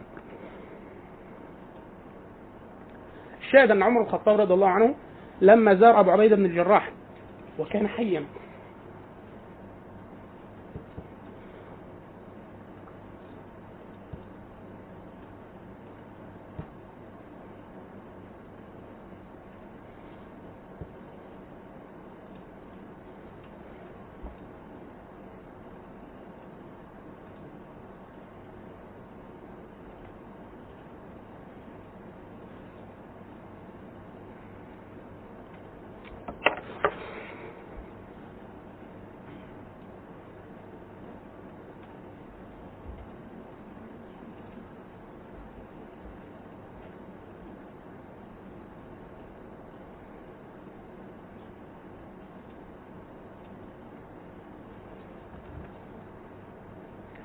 وقد أخذ عليه أنه لا يوجد في بيته شيء من الأساس.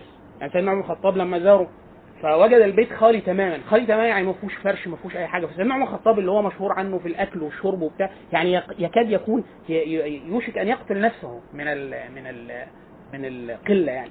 فبص فبيقول إيه؟ فلم يرد بصره أي شيء. يعني لقي بيته ما فيهوش ولا حاجة خالص. إلا الترس. الترس متعلق اللي هو اللي بيقاتل بيه يعني. فقال له يعني يعني يرحمك ربك يعني الا تتخذ مما يتخذه الناس. يعني الناس بتفرش بتاع تجيب لك حاجتين. فقال له إيه؟ قال له قد أخذ علينا رسول الله صلى الله عليه وسلم عهدا ونحن على العهد. يعني إيه كن اللي هو كثير جدا من الصحابة ومنهم عبد الله بن عمر وغيره قال له كن في الدنيا كغريب أو ك ك ك ك كغريب أو عابر سبيل. إيه، سيدنا عبد الله بن عمر يقول. جاء النبي صلى الله عليه وسلم من ورائي يوما فيعني أمسك بكتفه وقال يا عبد الله بن عمر كن في الدنيا كغريب أو عابر سبيل. فهو على العهد على العهد الذي أخذه عليه النبي صلى الله عليه وسلم ألا يستكثر من الدنيا. فبيقول له إيه اللي هو فيك هو كده على العهد. سيدنا سلمان الفارسي وهكذا. ففي لا أمثلة من الصحابة وكأن عمر يعني إيه في في في نفس هذا الفهم فهموه. وحتى سيدنا العاقل في الدنيا العاقل العاقل بالمعنى الذي يعني أراده صاحب الشريعة. سيدنا معاوية بن أبي سفيان استخلف 20 سنة حكم 20 سنة وكان ملك كان ملك مملك يعني. خلاص؟ ملك بالمعنى الحقيقي للملك مش عمر. عمر كان خليفة. خليفة يعني على هدي النبي صلى الله عليه وسلم في كل شيء. أما معاوية فكان ملك ملك عادل صالح وكذا لكن لا طبعا لا يبلغ أبدا عمر بن الخطاب ولا يشاء في فكرة إيه؟ الدنيا. ففي ع- مع سيدنا معاوية خلاص أنت ده حكم وأمير وملك كان أحسن أكل شرب أحسن شرب اتجوز كتير أخذ سرايا عمل كل اللي هو عايزه. ثم ثم في الآخر لما تقترب حقيقة الموت الحياة بتبقى إيه؟ تتضح جدا فقال لله در بن حنتمة يقصد عمر بن الخطاب. كان ما كان أشد بصره بالدنيا يعني عرف إن الدنيا أهو خلص يعني هو كان إيه؟ واحد يقول لك إيه هيصبر قد إيه؟ اصبر 70 سنة 80 سنة خلاص خلص. خلصوا إيه؟ وهو إيه؟ مع المظبوط. ليه؟ لأن عمر الخطاب ده هو هو اللي أدرك النبي صلى الله عليه وسلم. ما هو الصحابة ما وصلوش للمرحلة دي من قليل. ان حديث أبو الهيثم بن التيهان النبي صلى الله عليه وسلم خرج يوما ففي وقت لا يخرج فيه الناس. الجو حر جدا. فلقي أبو بكر وعمر. فسأل أبو بكر الصديق ما الذي أخرجك الساعة؟ قال إيه أسلم على رسول الله. قال قلت قاعد أروح أسلم على النبي صلى الله عليه وسلم. فقال له عمر الخطاب ما الذي أخرجك؟ قال أخرجني الجوع يا رسول الله. جعان قاعد يوم يومين ما أكلش ولا بتاع. فالنبي صلى الله عليه وسلم قال وأنا أخرجني بعض الذي تجد. يعني أنا برضو جعان. اللي برضو ما أكلش يوم ويومين ما أكلش يرحمك الله. فقال له إيه تعالوا. فمشوا راحوا لواحد من آه من أثرياء الأنصار في المدينة. اسمه سيدنا أبو الهيثم. أبو الهيثم بن التيهان. فلما دخل النبي صلى الله عليه وسلم كان في البيوت في هذا الوقت ليس عليها ستر. وحتى من السنة موجودة حتى الآن اللي هو إيه؟ تحري إن هو تتحرف عن الباب. يعني اي راجل أو حتى أي ست. آه، ما يقفش قدام الباب عشان لا تنكشف عليه العورات أو الذي يكره المرء أن يراه غيره. خلاص؟ فالنبي صلى الله عليه وسلم خد جنب من البيت وإيه؟ آه، آه، آه، يعني طلب الرجل فخرجت ام- امرأة أبو الهيثم من انتهت فقالت يا رسول الله هو في بستان وكذا وكذا في, في ليه بس ليه نخل وبتاع قريب من هنا. فهو لسه بيتكلموا فاقبل أبو الهيثم انتهى. فلما رأى النبي صلى الله عليه وسلم أخذ يفديه بأبيه وأمه يقول فداك أبي وامي يا رسول الله. يعني إيه اللي جابكم وبتاع؟ قال له والله إحنا جعانين وبتاع. فضايق فهيروح هيذبح وكذا فالنبي صلى الله عليه وسلم قال إياك والحلوب أو إياك وذات الضر. يعني ما يعني لو, شاه مع فيها لبن فأكيد يعني بترضع خلاص فلو هتذبح كمان ما تذبح يعني هو كده كده هياكله.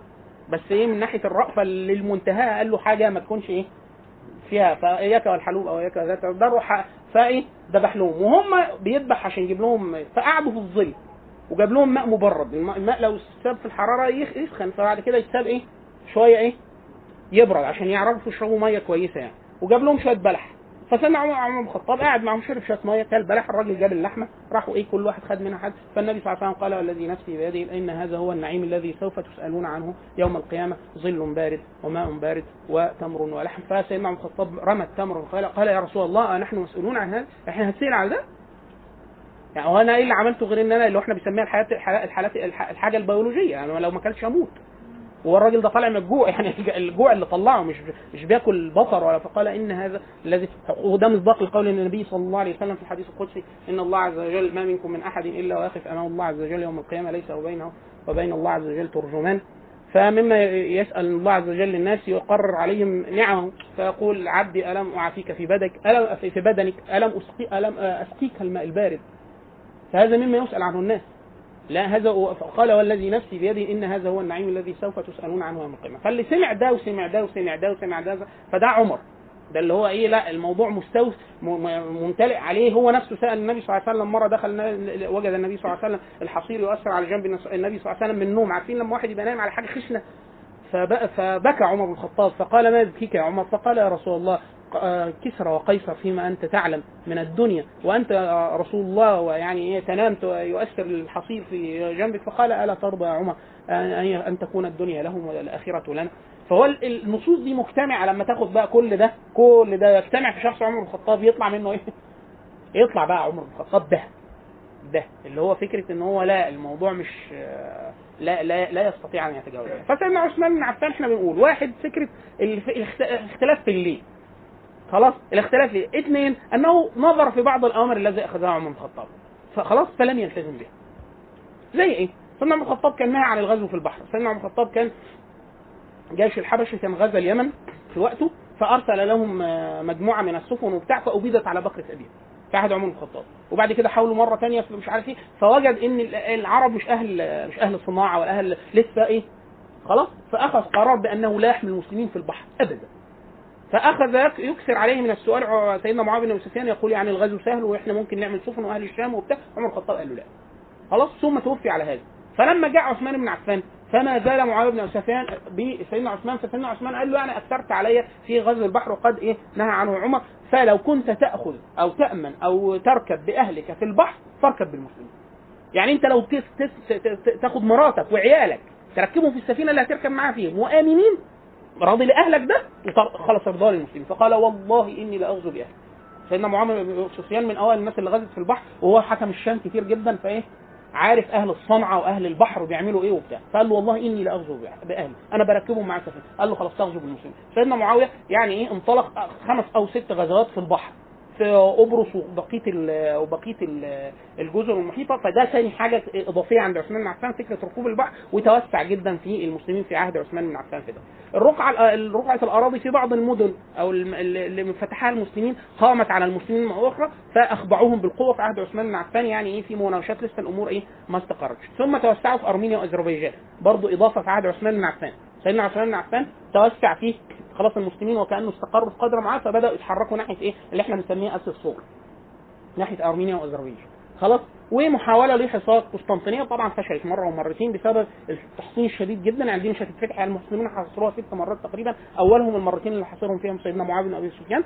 لن يفلح المسلمين في دخولها إلا في عهد محمد الثاني اللي هو إيه؟ المشهور بالفتح. ده عام 1452 أو 53 يعني متقدم جدا. إحنا لسه بنتكلم دلوقتي في أوائل إيه؟ الفتوح. طب إيه الإضافي؟ أن بعض القرارات الإدارية الإدارية التي لها أثر معمق أو دقيق شوية كان أخذها عمر لم يلتزم بها عثمان بن عفان. منها سيدنا عمر بن الخطاب نهى الصحابة أن ينزاحوا في العراق أو في الأراضي المفتوحة. عثمان بن عفان سمح لهم بهذا. فتحقق ما كان يخشاه عمر اللي هو إيه؟ هذه القبائل. طبعا القبائل اللي ساهمت في الفتوح.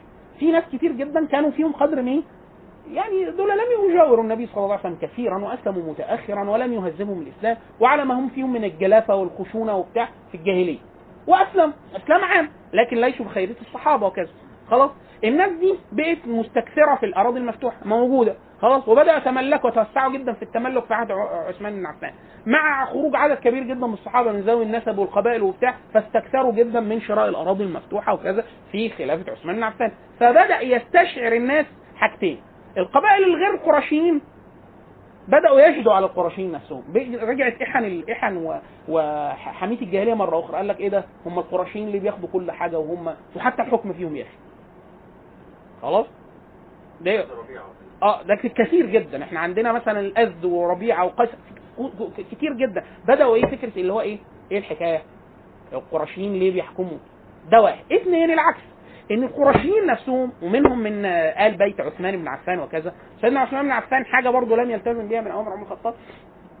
فكرة ال- ال- الشك الشديد في الولاء عمر بن الخطاب كان أي حد يشك فيه حتى لو شكه طلع مش محاول يعني عمر استوثق أن الرجل ليس بمحل تهم يعزله برضه.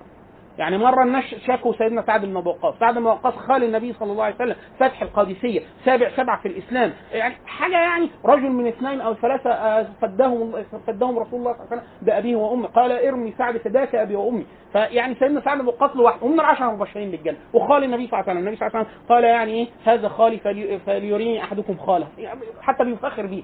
وكان مقاتل وقائد وكل حاجة. الناس شافوه إن سيدنا عمر الخطاب يسكت. لا سأل الناس. طلع الكلام كذب. قالوا لا ده الناس اللي بيقولوا مش مظبوطين وبتاع. راح جه سال واحد قال له لا يقسم لا يقسم بالسوية ولا يعدل وكف وكمان لا يحسن الصلاة. يلا بقى. أهو. هو راجل كذاب قوي اللي كده. فسيدنا سعد عمر الخطاب واحد يقول لك إيه؟ لا ما ده ما تصدقش في سعد سيدنا عمر جاب سيدنا سعد وقال الرجل يقول فيك كذا وكذا وأنك لا تحسن الصلاة. فسيدنا سعد قال له أنا لا أحسن الصلاة؟ قال والله لقد رأيتني سابع سبعة في الإسلام. أنا سابع واحد أسلم. وإني أصلي صلاة رسول الله صلى الله عليه وسلم فأنا أفعل كذا وكذا. ووصف الحديث ده الراجل ده يعني إيه عمل حاجة عدلة وهو بيكذب. إن هو إيه خلى سيدنا سعد يصف الحديث كله مطول في حديث واحد. فده أطول حديث وصل لنا في وصف صلاة رسول الله صلى الله عليه وسلم. فلما عمر الخطاب لما أتم الحديث قال والله إنها لصلاة رسول الله صلى الله عليه وسلم. هي دي الصلاة وعزله قاعد يقول لك يا مولانا إزاي؟ طب ما الراجل صادق وما عليهوش حاجة وبتاع. الناس هيقول لك إيه؟ أصل كلمه أصل قريبه أصل من نفس القبيل. شالوا جاب لهم صحابي تاني لا يتخير عنه وإيه؟ حسم مادة الفتنه عمر الخطاب كان كده. مرة قالوا له أصل إيه؟ لا ده مرة لما اتخذ لما اتخذ باب. هو كان قايل لهم قايل لهم شرط من شروط عمر بن الخطاب إنه لا يتخذ كان أي واحد يوليه شوية شروط. لا يأكل سم لا يضع ما يحطش باب بينه وبين الناس. آه، أي حد يجي يسأله في أي وقت. خلاص لا يسرق ما- لا يتاجر وهو وهو في الإمارة وبتاع. ولو ومن تاجر منهم فعل بهم الأفاعيل. ولا يتخذ باب. فسيدنا سعد بي بي سمع عمر الخطاب إن هو اتخذ باب دون الناس. يعني مش أي حد يخش له في أي وقت بالليل والنهار. فبعت له واحد حرقه له. آه فقالوا له قالوا للأمير قالوا له على فكرة في واحد بيحرق الباب بره. قال لهم ده عمر الخطاب بعته. شكله كده. لأن هو إيه؟ أصل مين اللي أنا قايل لك مفيش باب؟ أنا أصل ده سين بيننا وبين بعض. مفيش باب. بيبقى حرقته لك يبقى مين؟ سيدنا أبو هريرة كان بيقول إن هو لا يسرى الأمير وهو في الإمارة. اللي هو فكرة تعمل لي إيه؟ اللي هو بيسموها قرار الذمة المالية. تقول لي أنت معاك إيه قبل الولاء؟ وبعد الإمارة هطلع عينك. فعمر الخطاب كان في ناس كتير يتفلتوا يقولوا له لا ما تولىش يقول له لا تتولى ويطلع عينه في. ليه؟ لأنه عارف إنه راجل صالح وأمير وبتاع فيخليه للمسلمين ويطلع عينه بعد كده في الحساب. فسيدنا أبو هريرة أول ما قدم على من الإمارة كل شوية بيرجع يقعد مع عمر يحتاش في حساب ويشوف هيوليه ولا يعزله. أول ما شافه عمر الخطاب قال له إيه؟ سيدنا أبو هريرة قال له إيه؟ هلو هلم إلي عدو الله وعدو كتابه؟ تعالى سيدنا أبو هريرة أول ما شافه قال أنا عدو الله وعدو- بل أنا عدو من عداهما. أنا متى قال قال من أين لك هذا المال؟ فلوسك كترت. قال اني امرؤ تاجر. أنا تاجرت وبتاع. وادي قال له لا والله تقسم مالك. هو كان يقاسم أي حد يشك فيه يقسم ماله. نص ماله حطه في بيت الم... يسيط- يدخله في بيت المسلم قال لا والله لا أعطيكم مال تجرت فيه وبتاع. قال له لا والله لا تفعل المهم يمين شمال وبتاع بقوه السلطان وبتاع راح اديهوله خد نص مال. فمشي ومغاضب وبتاع. فعمر الخطاب مشي وراه إيه هيعمل إيه. هيعمل إيه؟ فيقول فسيدنا عمر الخطاب فوجده ودخل فيعني فتوجه في هيئة الداعي قاعد هيدعي قال اللهم اللهم اغفر لعمر اللهم اغفر لعمر الله اللي هو يعني مطلع عينينا بس هو عمر الخطاب كان هذا الشك اللي خلى الناس إيه؟ إيش؟ فيش فتنة عقده عمر الخطاب ليه؟ ما حدش يعرف يشك هتشك في إيه؟ هتشك في إيه الراجل يعمل إيه ولع لكم في الناس عشان. جاله مرة واحد ماسك شعره العرب زمان كانت ترخي شعورها حتى الرجال الرجال كان شعورها طويل خلاص؟ فشعره مقصوص ومعاه شعره ماسكه. ودخل على مجلس عمر خليفة قاعد والناس قاعدة وراح ماسكه وراح رموه له في صدره قال اتق الله يا عمر. فالناس قامت همت في الرجل فقال دعوه فإن لصاحب الحق ما قال. فما زال بالرجل قال مالك؟ فقال ألم تولي أبو موسى الأشعري على العراق مش أنت اللي مولي أبو موسى؟ قال نعم. قال يعني ضربني وعذرني وحلق لي شعري. فقال له مكانك. كتب كتاب قال له تروح تدي لأبو موسى تقول له ينزل على القاضي القاضي اللي معانا عمر في العراق ينزل أمام القاضي أنت وهو ولو كان ليك ليك مظلمه تضربه في نفس المك... تجيب الناس اللي شهدوا الحد اللي التعذير يشهدوا ويحلقوا وتحلقوا شعره قدامه. خلاص؟ فبهذا ما فيش. عثمان بن عفان مع بالطبع بسبب طابع الرقة واللين اللي هو فيه فعمل الناس إيه؟ على قدر من التوسع شوية. برضه دي من الحاجات. من الإنجازات الضخمة جدا ودي يعني إن شاء الله يعني في ميزان عثمان بن عفان الأمة كلها في ميزان إن شاء الله في هذه أنه قد جمع أمة محمد على مصحف واحد. سيدنا عثمان بن عفان في الفتوح لما المسلمين أكثروا من الفتوح جاء واحد من الصحابة قال له أدرك أمة محمد قبل أن تختلف في الكتاب اختلاف اليهود والنصارى. قال له إيه الحكاية؟ قال له الناس أنا صحابي سمع قرأ على النبي صلى الله عليه وسلم فالنبي أقرأه بقراءة. فراح فحفظ ناس بقراءة. الناس دول عجم وغير متقنين لا لهجات العرب ولا بتاع. سمع واحد تاني بيقرأ قال له إيه ده؟ القرآن اللي معاك ده ده مش قرآن أصلا ده بتاع ده أنتوا كفار وبتاع. فاخذوا يضربون القرآن بعض وبعض بالقراءات خلاص؟ فقال له لا الناس هتختلف. خلاص؟ وبعض الناس قد لا يحسن القراءة لأن العربية كانت إيه؟ آه، بتاع. فبالتلقي والتلقي. قال له لا لا لا استنى كده. ثم جمع الم... أخذ المصحف الامام اللي كان موجود عند السيدة حفصة في خلافة عمر بن الخطاب وقال لها هاتيه. خلاص ثم جاء أتى بالصحابة وبالكتبة فكتبوا عدة مصاحف في خلاف ما بينهم هو هل سبعة ولا خمسة ولا أربعة. المهم الأمصار الأساسية يعني مصحف لنفسه في المدينة مصحف لمكة مصحف للكوفه مصحف للبصرة وبعد كده في خلاف في في هل المصاحف الثانية ولا لأ. هي هي نفس النسخة نفس نفس الضبط وبتاع. ثم أما عزم على جميع الصحابة من كان عنده غير هذا فليحرقه.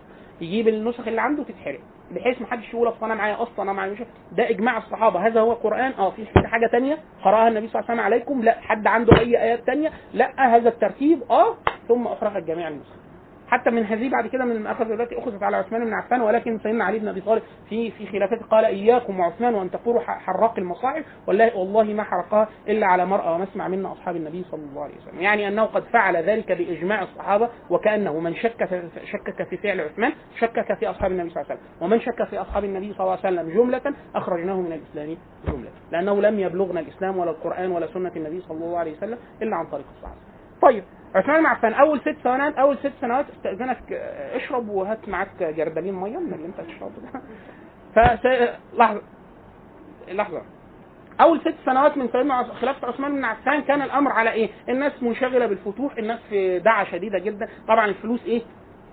اتوزعت توزيع جامد جدا فحتى وصلوا في عهد عثمان بن عفان كان إذا أخرجت الزكاة لا لا يوجد من يأخذها، مفيش حد، مفيش حد أصلا مستحق للزكاة. الناس كلها بسبب عطاءات بين. بيت المال والفلوس والتجارة وبتاع فتحت الدنيا عليهم تماما فلدرجه إنه مفيش إيه؟ مفيش حد آه، محتاج أي حاجة من الفلوس، لكن من المآخذ الشديدة التي اخذت على عثمان بن عفان حتى يرد فيها بعض الأحاديث عن النبي صلى الله عليه وسلم. يقول يتولى الأمر الرجل على منهج النبوة على منهج النبوة ثم آه، يقتل أمير عادل ث- ولكن إيه؟ يولي قرابته. حاجة زي كده. عثمان بن عفان في مستهل خلافته أول ست سنوات. من الاجراءات اللي خدها توسع في عدد عمال عمر. وولى بعض قرابه قرابته قرابة عثمان نفسه. خلاص فالناس قالوا له إيه؟ أنت بتولي قرابة. قال لا والله لم أولي أحدا منهم على قرابة. وده حقيقي يعني عثمان بن عفان صادق في هذا بل شهد له كثير من الناس والمؤرخين وكذا إن هو فعل. قال بل وليت قرابة رسول الله صلى الله عليه وسلم. يعني في ناس شايفين ان هم قرايبه بس هو عشان قريب النبي صلى الله عليه وسلم فهم يمتوا في صله للنبي صلى الله عليه وسلم. فبيقول لا ده أنا لقرابته من النبي صلى الله عليه وسلم. واحد يقول لك عشان قرايب النبي ولاه لا.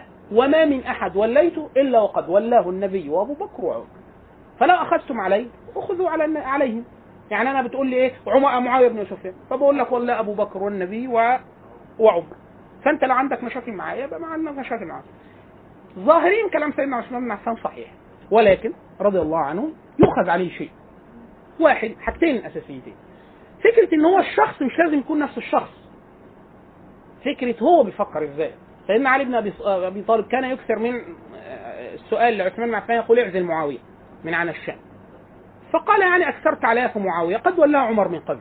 فقال كان معاوية هنا بص الشاهد ده يا أخوان شخصية عمر وشخصية عثمان. فقال له إيه؟ كان معاوية اطوع لعمر من من يرفع مولى عمر. يرفع ده مولى عمر مولاه يعني إيه؟ الخادم بتاعه يقول له روح. فقال له كان معاوية اطوع له من يرفع ده. أما أنت فيقطع يقطع الأمر من دونك. يعني بياخد حاجات كده براحته. وما بيرجعلكش فاعزل فعثمان بن عفان رفض شورى علي بن أبي طالب. فكانت دي حاجة شبه ده. هو نفسه في حاجة وقع فيها عمر بن الخطاب بسيطة جدا. توسع في- جدا عثمان بن عفان. هي فكرة هي اللي هي الأوامر التي إيه؟ الأشياء التي يعني إيه؟ على غير الهدي الأول. مرة واحدة وقعت في عمر في عهد عمر بن الخطاب لكن كثرت جدا في عهد عثمان بن عفان. عمر بن الخطاب لما زار الشام فدخل عليه كان معاه عبد الرحمن سيدنا عبد الرحمن بن عوف ودخل عليه سيدنا معاوية وكان أمير الشام. فلما دخل قال السلام عليك يا أمير المؤمنين فلم يرد عليه السلام. وده شيء مخيف جدا في هذا الوقت. يعني إيه؟ أقول لك السلام عليكم ما تردش يبقى ما فيش سلام. يبقى ما فيش سلام يبقى في عقوبة وفي في في كلام. فلم يرد عليه. فأعاد السلام. قال السلام عليك يا أمير المؤمنين فلم يرد عليه. فسيدنا معاوية بقي واقف. يعني في مصيبة تحصل ده قال السلام عليك يا أمير المؤمنين فلم يرد عليه. سيدنا عبد الرحمن بن عوف التفت لعمر بن الخطاب قال أكثرت على الرجل رد عليه السلام. فقال ما بلغني عنك؟ فقال ما بلغك يا أمير المؤمنين؟ إيه بقى إيه اللي حصل بقى؟ فقال بنيت قصر واتخذت حرسا. وعمل حاجات كتير هو كان ينهى عنها. إيه؟ عمر بن الخطاب. منها اتخذ حرس وليه وليه موكب وعمل قصر. ولما نعمل نقول قصر ساعتها يعني عمل أوضة دلوقتي أوضة أوضتين بالطوب الأحمر حاجة كده حاجة مش بس هو كان قصر يعني قصر يعني كلمة قصر مش قصر اللي إحنا نقصده دلوقتي حاجة أكبر من البناء العادي. بس ما فيش أكتر من كده. فقال له إيه؟ فقال له يا أمير المؤمنين يعني تمهل عليه. نحن في آه، على ثغور ما بين الروم. وهم لا يخ- لا يخشوننا ولا يخشون الله عز وجل. هم كفار أصلا ولكن يخشون ترى. هم إيه؟ عايزين أمن وحرس وبتاع ومواكب وبتاع. هم خايفين ده. فأنا عامله ليه؟ فسيدنا عمر الخطاب يعني لما سمع الكلام فقال يعني آه، أنا أكلك إلى نيتك. يعني لو انت عامل ده لكده فانا اكله أنا سألت حد من أساتذتنا الدكتور مدحت ماهر وكنت أول مرة أسمعها من حد في حق عمر الخطاب. فبقول له إيه بيستدل عليها بحاجة مرة في النقاش كده فبقول له مولانا طب ما عمر الخطاب سمح لمعاويه على النية. فقال أخطأ رضي الله عنه. سيدنا الدكتور تعرفوا الدكتور مدحت؟ الدكتور مدحت تخصص سياسة شرعية. خلاص؟ فهو قال لي أخطأ رضي الله عنه. قلت له ليه؟ قال لي لأنه ده كان باب توسع فيه معاوية بن سفيان جدا في إمارة عمر. ثم عثمان ثم في الخلافه هذا الباب قال لي لو أغلق لا أغلق على الأمة وإحنا بنقول لا لا لا, لا ندعي العصمة لعمر بن الخطاب. وقد أخذ قرارات هو نفسه قال على نفسها خطأ. أما هذا فعمر بن الخطاب لو كان ألزمه بالأمر الأول لكان أحسن لكان أفضل. خلاص؟ فانا يعني تتبعت بعد كده سيدنا الدكتور مدحت لما قال لي كده أنا اتخضيت. قلت له أنت يعني أنت بتقول إن سيدنا عمر الخطاب كان خد القرار ده غلط؟ قال لي أيوه. قلت له ليه؟ قال لي لا على منهج عمر. قال لي ما هو أنت؟ قال لي قول قول لي 10 10 قضايا قالها وغلط فيها. فقلت له لا في في المواريث وفي آه في الفطيم قسمة الفطيم وفي مسائل كتير في في حاجات كتير ومعارف. لا مش فكرة إن هو معارف جسر المسلمين خسروها لا هو قرار خده قرار إداري وطلع غلط. الأمير آه الأمير نفسه هو اللي لكن هو عمر الخطاب يعني قصدي ان ليه امير لكن في قرارات هو مباشرة خدها وقال إن أنا إيه؟ أنا أخطأت فيها ولو رج- رجعت هرجع فيها حاجة زي كده. فالشاهد فقال لي أنا أرى هذا مما أخطأ فيه عمر بن الخطاب رضي الله عنه. ليه؟ لأنه وسع فات الباب ده توسع جدا فيه سيدنا معاوية بعد كده. في الشام. ولم ينغلق. يعني خلاص بعد كده حتى الخلافة بقت في الشام. على هيئة الملك اللي هو اسسه سيدنا معاوية. لكن الشاهد. أما عمر بن الخطاب فيعني وكله إلى نية حسنة. لكن هو إيه؟ وما كان يدري الغيب. يعني ما كانش عارف ممكن إيه الموضوع ده يقول إلى إيه. الشاهد ده جملة الشكل. من بعد عام ستة يعني أول ست سنوات في خلافة عثمان بن عفان خلاص يك- يكاد يكون الاستقرار اللي في المسلمين ده إحنا بنقول لما يحصل استقرار خارجي الناس تقعد تاكل من بعض من جوه. الناس كانت مشغولة بالغزو وكذا وبتاع. لما الموضوع هدأت والأمور استقرت وكذا الخ- الخلاف ما بين القبائل اللي موجودة في الفتوح. قال لك إيه قريش الفلوس اللي معاهم آه، توسع جدا الناس في التملك. خلاص؟ ثم انقلبت الآية. بعض الناس من القرشيين اللي أمرهم عثمان بن عفان ليس فيهم من التهذيب والخلق. والديانة اللي كانوا على زي عمال عمر ولم يشهدوا الأمر الأول وبتاع. فمنهم واحد زي سعيد بن العاص مثلا وعلى مرأى مسمع من الناس واحد اسمه وده من قتلة عثمان بعد كده اسمه حاجة الاشتر في قاعدين في مجلس وبتاع قال له أنتوا يعني. استأثرتم بالمال من دوننا أو كذا فقال إنما هذا المال سيء قريش. يعني ده بتاعنا بتاع قريش. فهذه من مثل هذه الأمور والتوسع جدا في الأملاك وبتاع الناس صارت على هذه الأوامر وبدأ الأمر ي- يشيع ما بين الناس. حتى بلغ عثمان بن عفان. فعزل سع- سعيد بن عاص عزلوا في أول الأمر. خلاص؟ ولكن ما زال الأمر يزيد. في الخلاف في اول في آخر ست سنوات من خلافة عثمان بن عفان حتى آخر سنتين آخر ثلاث سنوات بدأت الناس تتسامع ثم خرجت وفود من الأمصار. في كثير جدا من الوث... من الوثائق التاريخية تقول إن الموضوع ما كانش مجرد بس يعني مآخذ. لا ده كان في حد يبدو إن هو إيه؟ بيشعل هذه الأشياء وبيزود فيها ولكن الأصل موجود. يعني هو في كان فعلا موجود آه إن ما فيش شرار من غير نار يعني ما لا يعني لا ما كان موجود في حاجة زي كده. بس عظموه ثم دخلوا على عثمان بن عفان فقالوا له يعني قد أخذنا عليك أشياء وإيه أنت عملت حاجات خالفت فيها الأمر الأول وأبو بكر وعمر وكذا فأقر لهم عثمان في معظم الأشياء ونزل على رأيه وكتبوا على ذلك عهود ومواثيق حتى لما استشار بعض أمراء قالوا له يعني الناس بيقولوا كذا كذا أعمل إيه؟ فالناس قالوا له ببساطة قالوا له اقتل كل رؤ- رؤساء الفتن كل رؤساء المجموعات. يعني كل مجموعة جاية لك من بلد اقتل اقتل الرئيس بتاعها والأمور تستتب لك. أما عثمان فلم ف- ف- حاشاه لم يكن يفعل هذا. قال إنما لصاحب الحق ما قال. فسمع منه و ما رآه منهم مما قالوه حق أو كذا أو أقرب للصواب نزل عليه. وفي أشياء قالوا له أنت عملت كذا؟ قال لا والله لم أفعل ذلك. في حاجات خدوها عليه فقال لهم فخرج منها. قال لهم لا دي مش مآخذ ولا حاجة. يعني قالوا له مثلا ال- الحكم الحكم بن العاص كان النبي صلى الله عليه وسلم نفاه هو وابنه ما يخشوش المدينة. عثمان بن عفان دخل في الخلافة فقالوا له طب مش النبي كان نفيه؟ قال والله كلمت فيهم قرا- قرابته قال, كلمت فيهم النبي صلى الله عليه وسلم قبل موتي فقال يعني إيه؟ فالنبي صلى الله عليه وسلم أملني قال أي أدخلهم؟ ثم عجلته المنيه فتوفي. فأنا أفعل ذلك على رأي النبي صلى الله عليه وسلم في آخر حياته. قالوا له طيب أنت النبي صلى الله عليه وسلم صلى بالناس في الموسم في, في موسم الحج قصر اثنينات انت صليت أربعة أربعة فأنت غيرت السنة. فقال إنما يعني دخل في الإسلام آه، خلق كثير. وبعض الناس لا لا يرون الخليفة إلا في الموسم في موسم الحج. والخليفة وصاحب النبي وجوز بناته ومش عارف إيه وبتاع. فلما صلوا معي العام الم- الماضي آه، اثنين اثنين صلاة القصر قالوا الصلاة قصر. الصلاة أصلا اثنينات واحد لما يقول له إزاي الصلاة اثنينات يقول له ما أنا صليتها ورا الخليفة في الحج يا أخي آه، اثنين اثنين. قال واتخذت أهلا كان الجوي ف- فليه أهل في بيسموه صاحب المحلين في الفقه. يعني خلاص ليه زوجة في المدينة وليه زوجة؟ في- مكة. فنائله بنت الفرافصه وهي ماتت عنده يعني قتل عندها خلاص؟ فإيه؟ فاتممت بالناس. خشيه أن تبدل الصلاة ولا لي أهل يعني لي عذر حتى في ده. فخرج من هذا. وأشياء من هذه القبيل. قالوا له حق المصاحف. قال لهم لا ده, ده ما فعلته إلا على مرأى مسمع من أصحاب النبي صلى الله عليه وسلم. طيب آه، آه، توليل بعض الناس. لا ولا ولا أخوه عبد الله بن أبي الصرح آه، صعيد مصر وثم جمع له مصر بعد ذلك. قال لا يعني لم أفعل إلا ما قد ولهم. يعني أشياء من هذا القبيل. في بعض الأشياء خرج منها وأخذ عليه أخذ عليه عهود ألا يفعل وكذا. لكن الأمور لم تهدأ لم تهدأ. بسبب إن كثير جدا من برضه الحالة الاستقطاب حالة الاستقطاب المالي والاقتصادي والطبقي والقبائلي موجودة في الأراضي المفتوحة مع الرخاء. يعني ال- الترف الترف دائما يجلب النقمة. خلاص؟ ثم فعادت هذه الوفود مرة أخرى. يعني قد زورت بعض الكتابات على عثمان بن عفان أنه زو... أنه أمر الولاة انهم عندما تصل هذه الوفود أن يقتلوا رؤساء هذه الوفود وكذا ويقتلوا كل من شارك في الدخول على عثمان وهو لم يفعل ولكن زورت عليه. وزوروا خطابات على السيدة عائشة أنها تق... أنهم تقول أنهم لا انها أنها وكثير من الصحابة كبار الصحابة لا يرضون خلافة عثمان وأنه قد خالف الأمر الأول وكذا ومش عارف إيه، ويحث الناس بالخ... ل... لأن يخرج على عثمان بن عفان فاجتمع الناس مرة أخرى ودخلوا على عثمان بن عفان. فكلمهم في هذا وبتاع فيعني إيه؟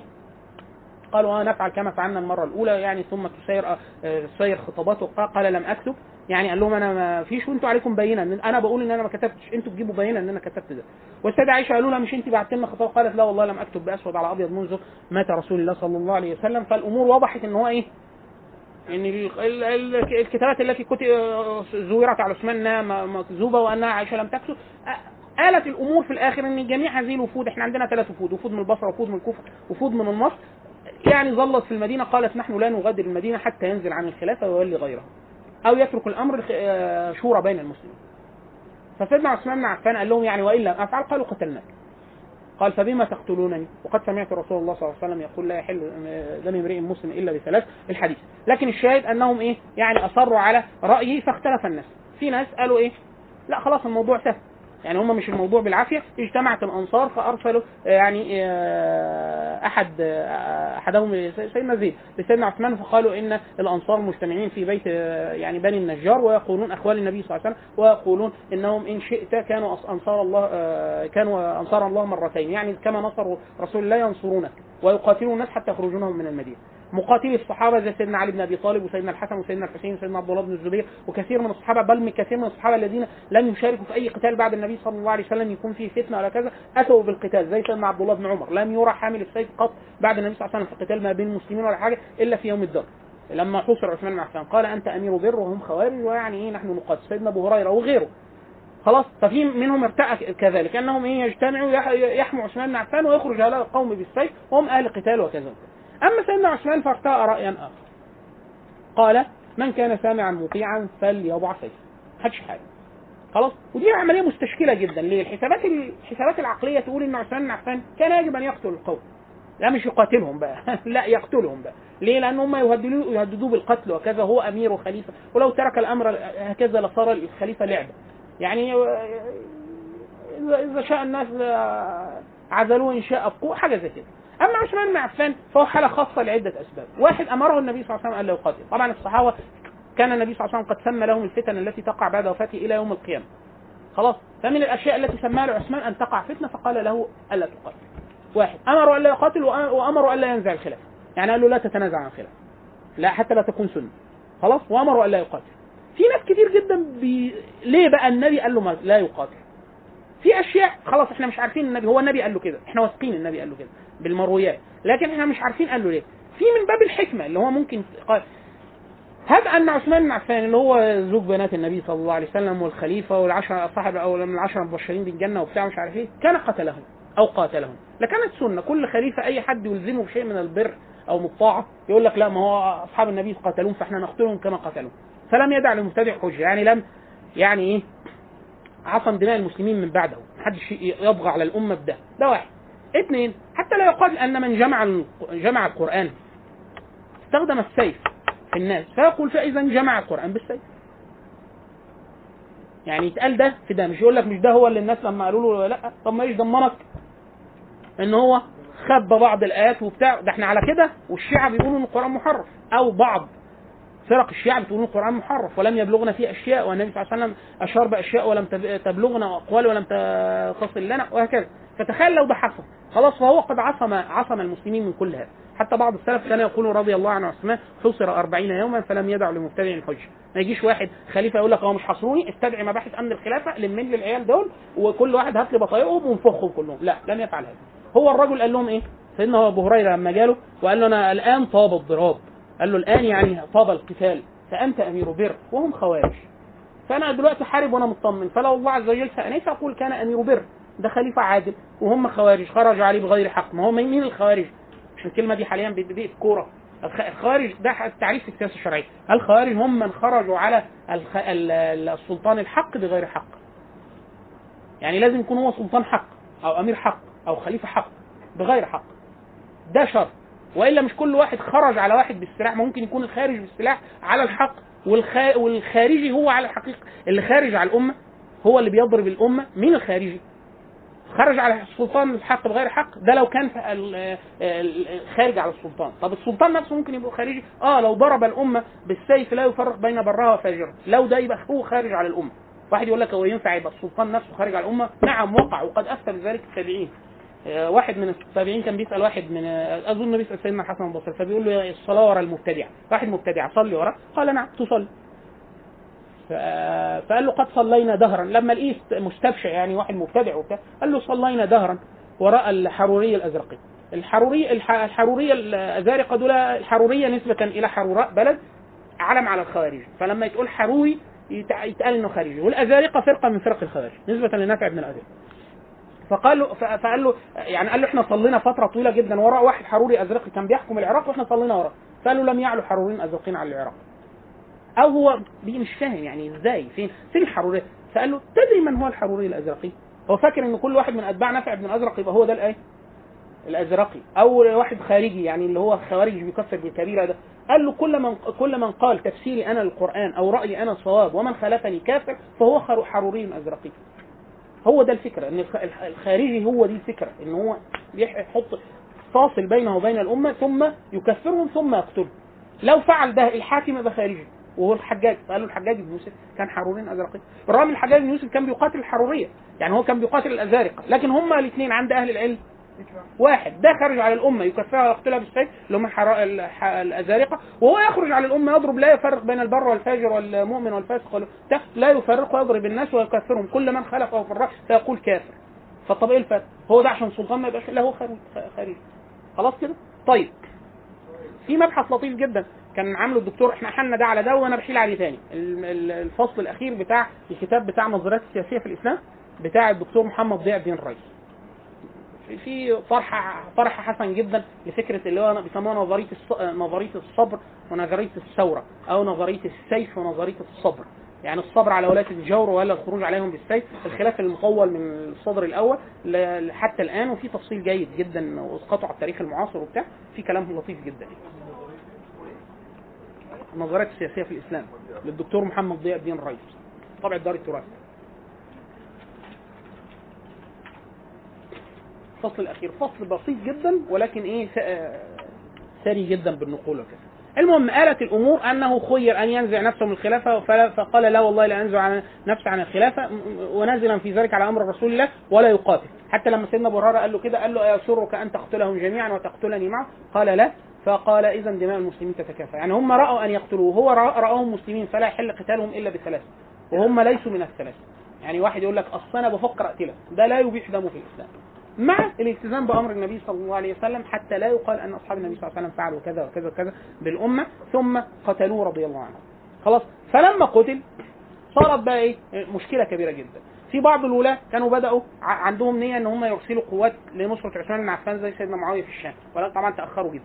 الموضوع يعني إيه؟ كان في عجل 40 يوم ثم قتل ولم يتصور أحد أنهم يصلوا بهذه الدرجة يعني من الفجر أن يقتلوا الخليفة. وهو قد كف عنه. ده واحد. اثنين الناس قالوا نحن لا نظن من غير خليفة. خلاص؟ فمال الناس إلى مبايعة علي بن أبي طالب فرفض. قال لا. لا أبايع إلا على مرأى ومسمع من الناس. يعني ما حدش يجي لي في البيت ويقول له أصل أنت خليفة وبتاع. لا قال أبايع كما بايع أبو بكر وعمر. في المسجد ويجي الناس يبايعوا. فأذعنوا لهذا. فخرج علي بن أبي طالب في المسجد فاجتمع عليه الناس وبايعوا الناس إلا عدد إيه؟ آه بسيطة من الصحابة ارتأوا أن ألا يعني إيه؟ يبايعوا. حتى الأمور تنضبط. ويقتل قتلت عثمان. يعني لغاية ما نقولش إحنا الخليفة اتقتلوا لسه اللي قتلوه ما اتقتلوش. منهم سيدنا طلحة بن عبيد الله منها سيدنا منهم سيدنا الزبير وبعض الصحابة. خلاص؟ هذه الأمور ستؤول في أول خلافة علي ان علي بن أبي طالب. تولى الخلافة والمدينة فيها قتلت عثمان. ولا يتبين ولا يتبين مين فيهم قتلت عثمان. ده كانوا بضع آلاف. يعني كانوا تقريبا 10000 يعني رقم. خلاص فمش عارفين مين اللي قتل. ده أنا مجموعة من من منهم تصوروا على بيت عثمان بن عفان. كان عليه حرس. منهم سيدنا الحسن وسيدنا الحسين وسيدنا عبد الله بن الزبير وغيره. حتى يعني جرح سيدنا الحسن والحسين وعبد الله بن الزبير في المناوشات التي كانت تدور بينهم وبين الخارج على بيع باب عثمان بن عفان أثناء الحصار. وقد منعوه من الصلاة من الخروج ومنعوه من الماء أن يشرب الماء وهكذا. الشاهد إن هو علي بن أبي طالب تولى في هذا الظرف. فالأمور ليست إيه؟ ليست على يعني مستقرة أو كذا. اثنين وده الأخطر انه قتل عثمان موجودين في المدينة ولا يتبين منهم يعني مين اللي قتل؟ مين امبارح؟ هم 10 12 واحد 20 واحد اللي تصوروا الب- الباب وقتلوا عثمان بن عفان. خلاص وضربوا زوجته حتى قطعوا أصابع السيدة نائلة بنت الفرافصة لما يعني حجزتهم عنه وكذا خلاص الشاهد إنه فهو سيدنا علي بن أبي طالب أراد أن تستقر الأمور. خلاص فبدأ يرسل إلى ال- الأمصار. هو الناس دي لماذا خرجت على عثمان بن عفان؟ لأشياء أرتعوها. منها توليد الأقارب وبتاع. فأرسل علي بن أبي طالب على غير يعني رضا من جميع الصحابة، الصحابة قالوا له بلاش تعمل ده أنت هتقلب عليك كل الناس كده. ليه؟ فعزل جميع ولاة عثمان بن عفان من الامصار وأخذ يرسل وعماله. خلاص؟ فاستجاب الناس.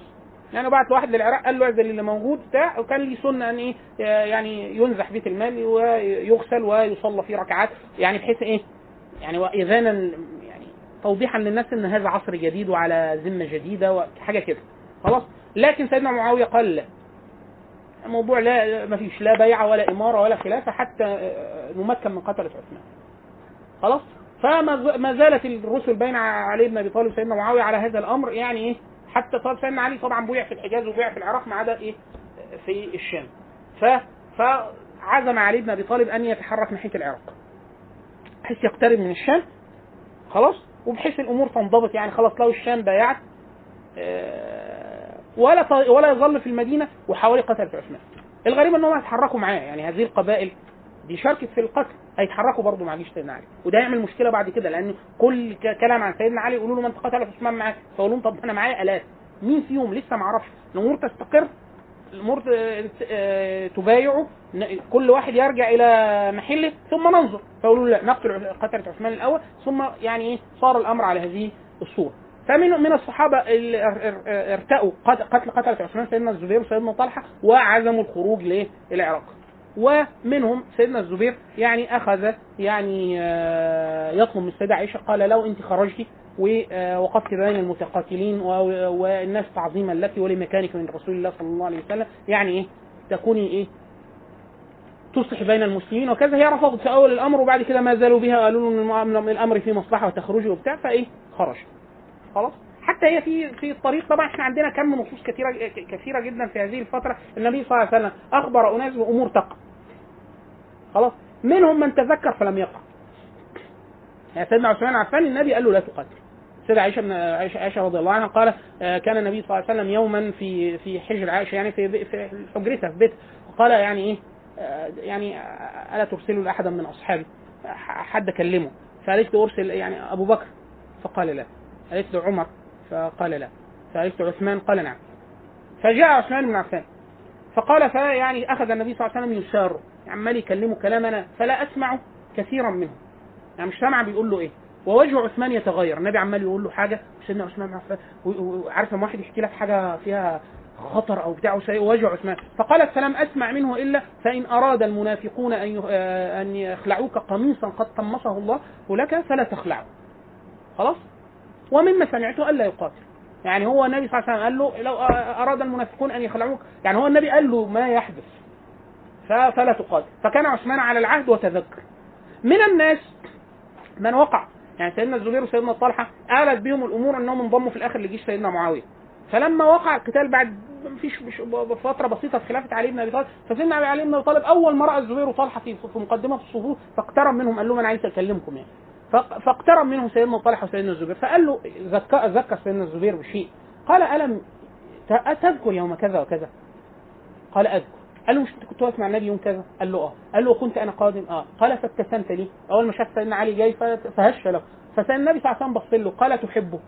يعني أنت بتحب عليه قال نعم. قال تقاتله وأنت له ظالم. يعني يقع بينكم قتال وهو يكون على الحق. فقال تذكر كذا؟ قال تذكرته الساعة. دلوقتي لما انت قلت لي ومضى ولم يقاتل وقتل. قتلوه الخوارج اللي كانوا بين الفريقين لا يريدون أن الموضوع يلتئم وقتل سيدنا طلحه برضه في فده لم يتذكر. حتى سيدنا حذيفة بن اليمان يقول قام فينا رسول حديث البخاري. قام رسول الله صلى الله عليه وسلم فينا خطيبا بعد صلاة الفجر فما زال يخطب حتى الظهر.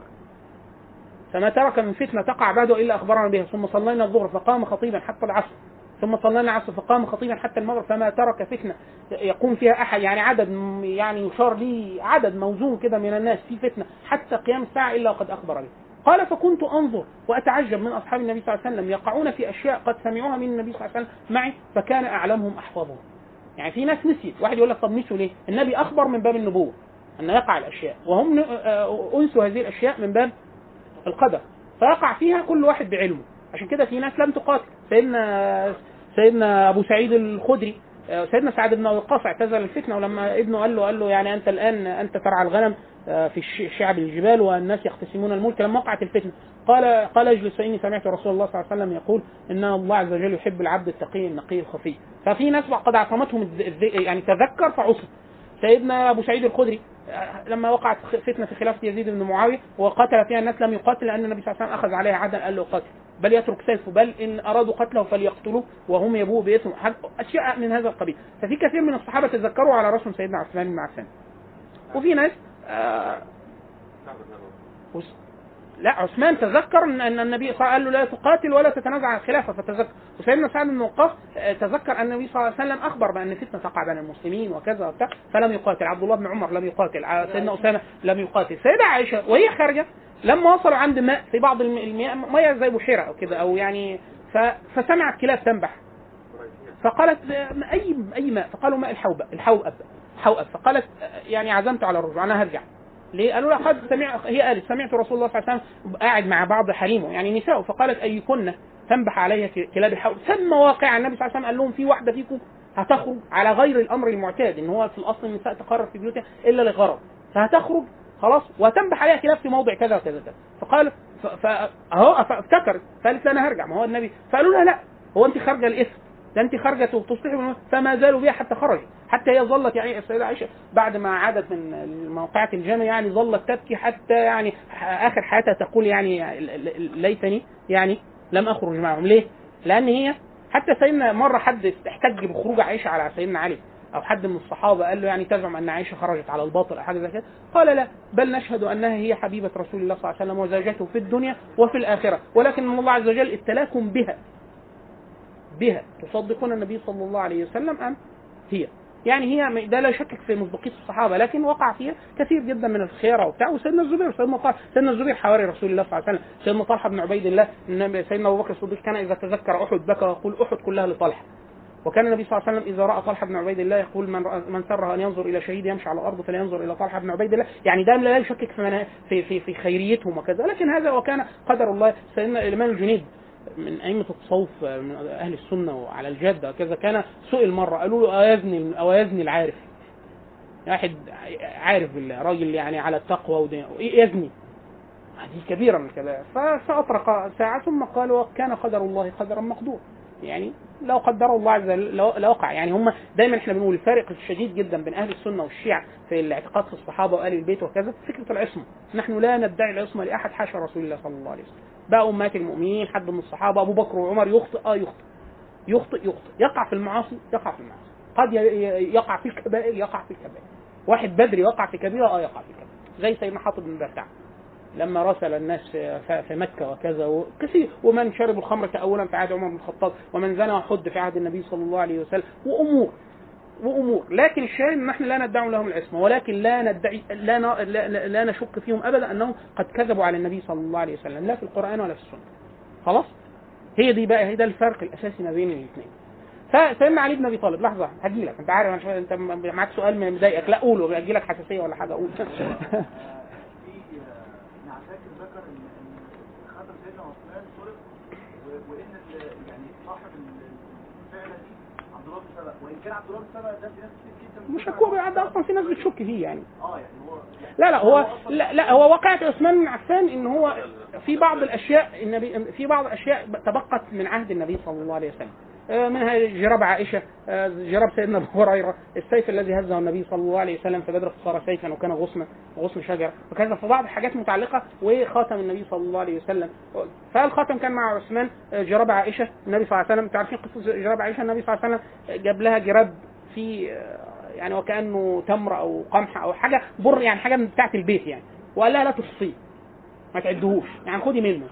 فظلت تأكل منه لخلافة عثمان.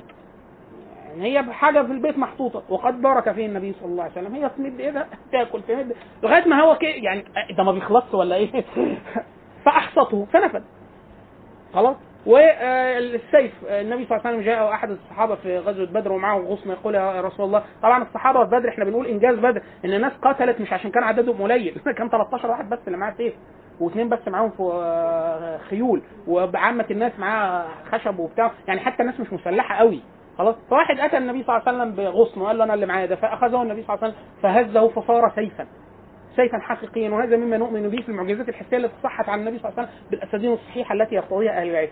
خلاص فصار سيفا وقتل به وظل ثم ضاع في خلافه عثمان بن عفان. وقع من الرجل أو كذا. وخاتم النبي صلى الله عليه وسلم كان مع عثمان فكان عثمان بن عفان في على جالسا على بئر يعني ينظف الخاتم فوقع منه. ففي أشياء كده منها ال منها ال- الجراب ومنها الخاتم ومنها السيف وكذا في أشياء حتى دايما يقولوا ده كان ايذانا بإيه؟ بمحق البركة. يعني طبعا لما يكون حاجة متبقية من عهد النبي صلى الله عليه وسلم تفرق. ده يقال ده ظل ظل طويل في الأمة. آه، يعني التبرك بأثار النبي صلى الله عليه وسلم الحسية ده إجماع بين المسلمين. يعني ما فيهوش ما فيهوش نزاع. النزاع فين؟ التيقن أنه من أثار النبي صلى الله عليه وسلم فقط. بس لكن هو التبرك التبرك به الحسي لا ده إجماع من أول الصحابة لغاية آه، عصور متأخرة. لغاية إمتى؟ يعني ممن أدرك آثار حسية من النبي صلى الله عليه وسلم مباشرة. كانت لأحد لأحد من الناس سيدنا عمر بن عبد العزيز الخليفة كان آه، لديه آه، يعني زي مخده صغيرة كان يتكئ عليها النبي صلى الله عليه وسلم. فكان عليها عرق النبي صلى الله عليه وسلم. عارفين لما واحد ينام على حاجة فترة فيبقى فيها أثر. فكان هذا الأثر من النبي صلى الله عليه وسلم. فكان الرجل إذا مرض في عهد عمر بن عبد العزيز يعني فيعني فخلاص يعني الناس يئست من أن يبرأ فكان يعني يستأذنه الخليفة. فيجيبوا كوب من الماء فتبلل فيها بس إيه خلاص ويشربها فيبرأ. لبركة النبي لآثار النبي صلى الله عليه وسلم. نحن نحن نقول النبي صلى الله عليه وسلم كله يعني كله بركة شعره ولعابه وكل كل شيء. ومنها سيدنا الإمام أحمد. آه، قد وقعت له شع- شعرات من النبي صلى الله عليه وسلم يعني في لغاية لغاية عصره كانت موجودة وهكذا. طبعا بعد كده في حاجات اللي هي الحسية اللي هي في المقتنيات موجودة في اسطنبول حاليا أو حاجة زي كده آه، دي بقى لو قطع بها أهل العلم باثار والسير أنها صحيحة يعني خلاص لكن هي المشكلة إن هي حجزت عن الناس. إحنا دايما نقول سبحان الله العظيم يعني في أشياء كأنها لا حكمة. يعني فكرة أن يعني وكأنه هو ده الشيء الوحيد اللي باقي من النبي صلى الله عليه وسلم حسيا فعزل عنه. من البركة يعني من باب بحق البركة محدش عارف حتى يعني محدش يعرف يتصل بيه. حسيا يعني. ولكن إيه اللي متبقي بقى من النبي صلى الله عليه وسلم؟ السنة سنة النبي صلى الله عليه وسلم. احسن سيدنا أبو هريرة لما عمل كده في الناس آه، ليه الناس قاعدة بتتاجر في السوق قال لهم أنتم هنا تشتغلون بالدرهم والدينار وميراث النبي صلى الله عليه وسلم يقسم في المدينة. جابوا ميراث النبي جابوه من المدينة وبيتقسم بي- بيقسموه وكل واحد من المسلمين ليه حتة فيروح يلحق. فالناس سابت كل اللي في إيديها وراحوا جري على المسجد. فدخلوا لقوا حلق وعمدان وشيوخ قاعدة وبيدرسوا الفقه والقرآن وبتاع. فرجعوا قالوا له فين؟ ما رحناش قال ماذا وجدتم؟ فقالوا قرآن وحديث. فقالوا هل ترك النبي صلى الله عليه وسلم إلا العلم والسنة والفقه؟ فهذا ميراث النبي صلى الله عليه وسلم فمن أخذه أخذه منه بحظ وافر صلى الله على محمد. ويتبقى برضه من النبي صلى الله عليه وسلم آه، نسبه. نسب النبي صلى الله عليه وسلم يقول يعني كل الأنساب آه، لا ينفع نسب يوم القيامة إلا نسب النبي صلى الله عليه وسلم حاشا في الكتب بعد التطاير يعني. وإلا هو من الشفاعة. يعني بقى في تطاير الصفح لا لا تنفع الأنساب. لا أنساب بينهم ده في تطاير الصفح لكن بعد ذلك في الشفاعات وكذا لا لا لا ينقطع نسب النبي صلى الله عليه وسلم. يعني نسب النبي صلى الله عليه وسلم حتى عم- عمر بن الخطاب وهو خليفة وهو كبير في السن خطب بأم كلثوم رضي الله عنها بنت علي بن أبي طالب وهي صغيرة.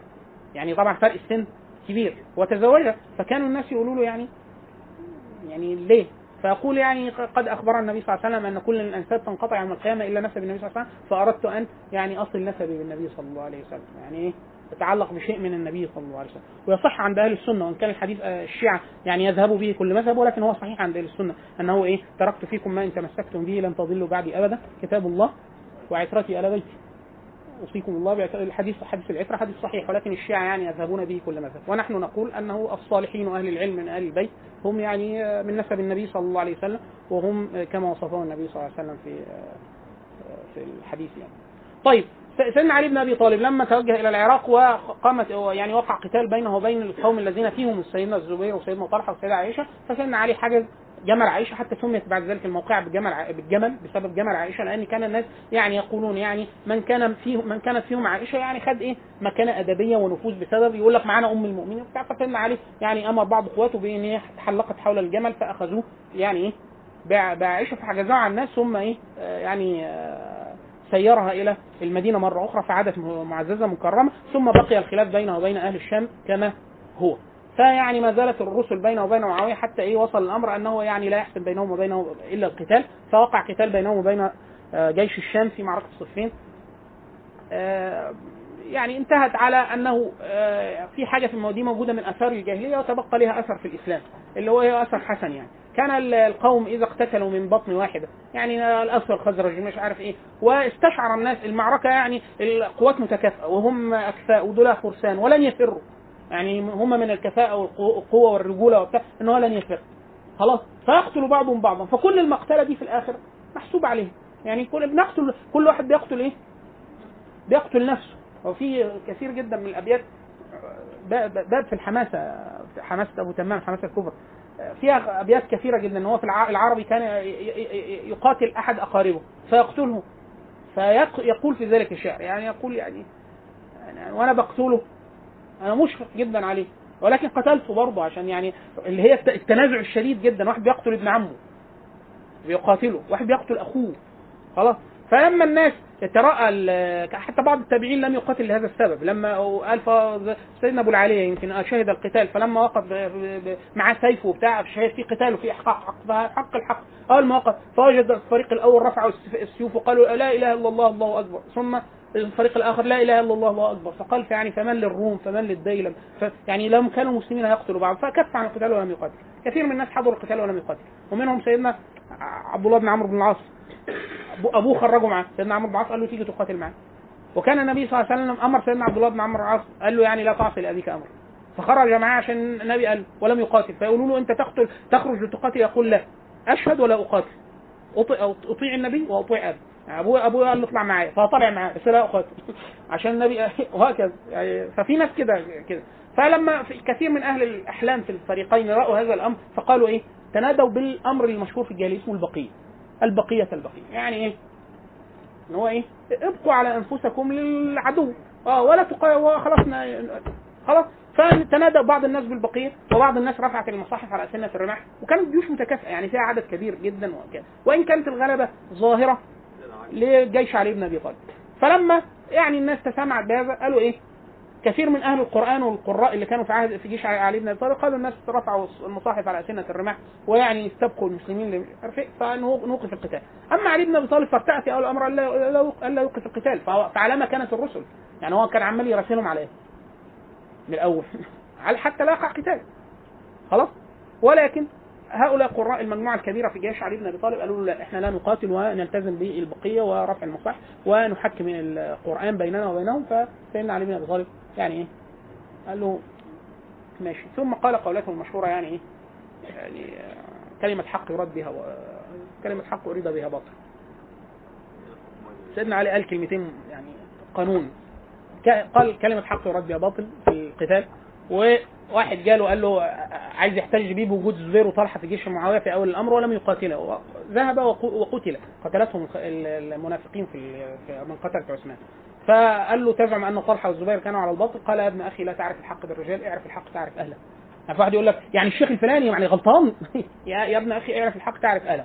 يعني أنت تتعلم العلم تم- تميز الحق من الباطل. لكن بالأشخاص قال له قال له إيه؟ اعرف لا تعرف الحق بالرجال. يعني ما دام فلان قال كذا يبقى صح. لا مفيش كده. مفيش كده. اعرف الحق. تعرف أهله. يعني أنت لما تعرف الحق تقول تعرف تميز. غير كده مش هتميز.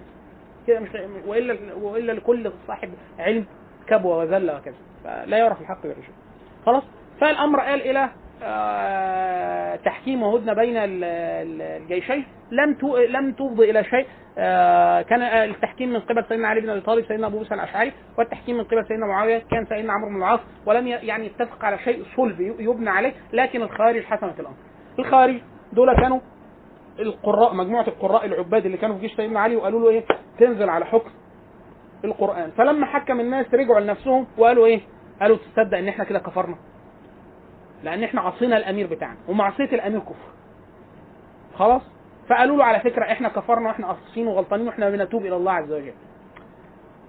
فكان ماذا قالوا له وانت برضه كافر لأن انت ما دام عارف الحق المفروض كنت لا ما طب إحنا عصت انت تصدقنا؟ لا ما المفروض لا. فانت تشهد نفسك بالكفر برضه وتتوب وإحنا نرجع مع, مع بعض زي الأول ونقاتل معاوية. فالنبي سيدنا علي قال يعني بعد إيماني بالنبي صلى الله عليه وسلم وجهادي معه وكذا وهجرتي وكذا وأشهد على نفسي بالكفر قد ضويت إذا وما أنا من المهتدين. ما اعملش كده. قالوا له خلاص نفاصل بينك وبيننا إحنا ناخد شوية. 12000 واحد اعتذروا جيش سيدنا علي.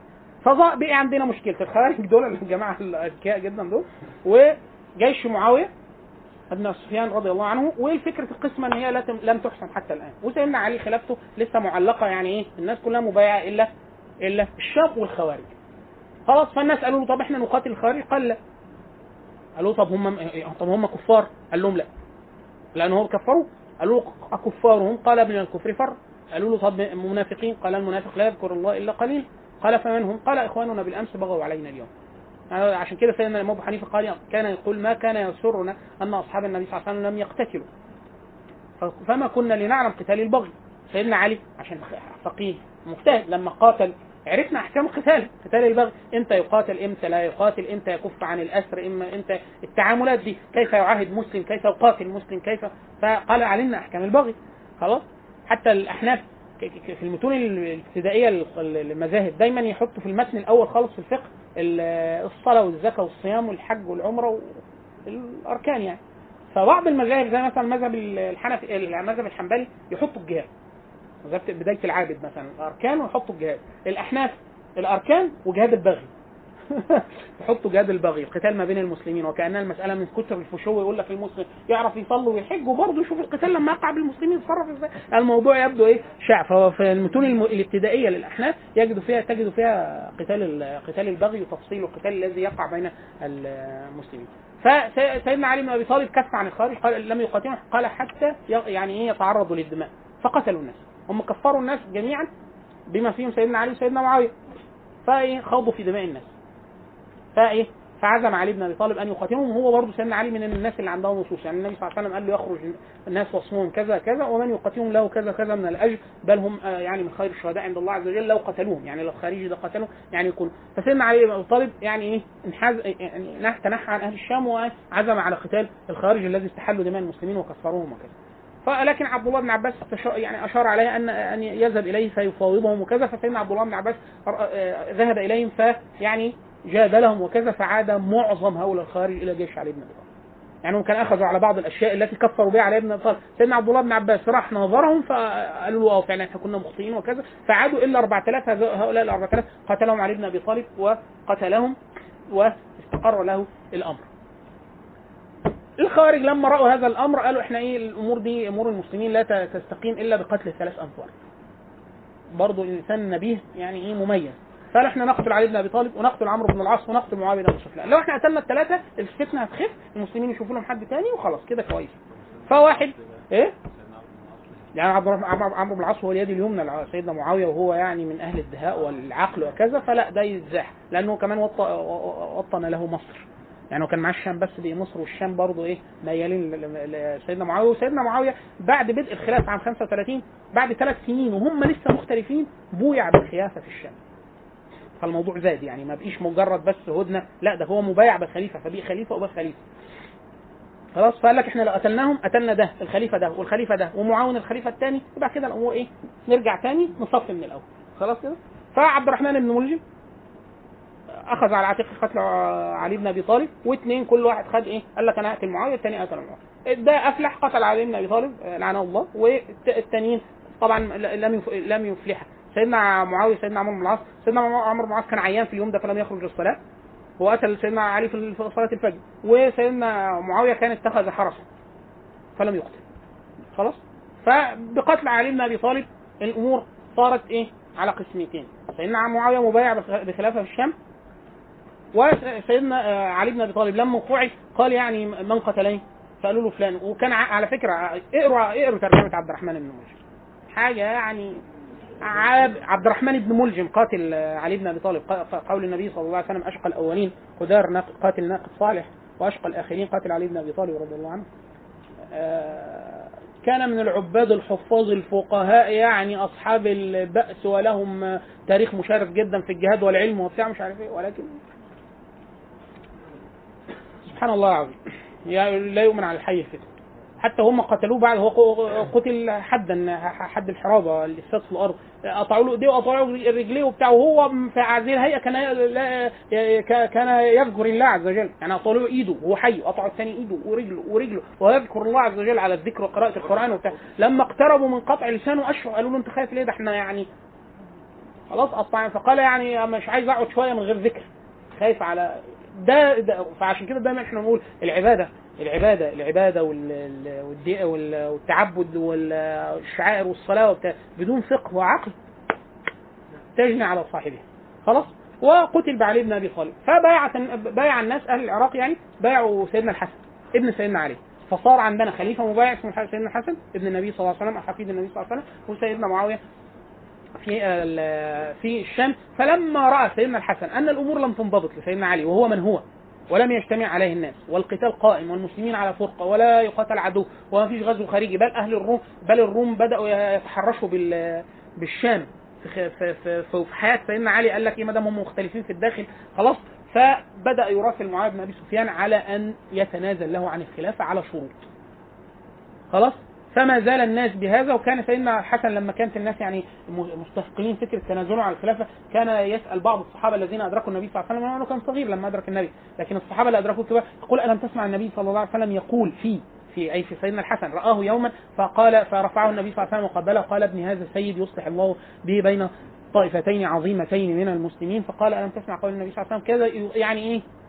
يمهد للناس أنه عا- عازم على الصلح عازم على أن تنازع عن الخلافة. لمعاوية فاجتمعوا بعض الرسل وكذا على أن يتنازل الخلافة آه، يتنازل عن الخلافة لمعاوية بن سفيان. لو مات معاوية بن سفيان والحسن حي تعود إليه الخلافة ألا ينزع أي شيء من الأموال التي تحت يد الحسن الحسن أو أحد ولا- أو أولاد علي آه، أو آه، قريبه أو كذا. يعني شوية شروط متعلقة بهذا الأمر. فوافق عليه معاوية بن سفيان. فبايعه الحسن علي. ودخل الناس جميعا في تحت خلافة معاوية بن أبي سفيان على رأس عام 41 هجري اللي هو إحنا بنسميه عام الجماعة. خلاص؟ طبعا سيدنا معاوية هيستخلف 20 سنة وإحنا نقول إن اذانا بانتهاء الخلافة الراشدة إيه تنازل سيدنا الحسن هو قاعد ست شهور خليفة أو أقل كمان بعض الشيء. خلاص؟ آه، دي نهاية الخلافة الراشدة. إحنا بنقول 30 سنة في حديث النبي صلى الله عليه وسلم الخلافة بعد ث- 30 دي نهاية الخلافة الراشدة. مستهل حكم معاويه بن سفيان ببدء الملك.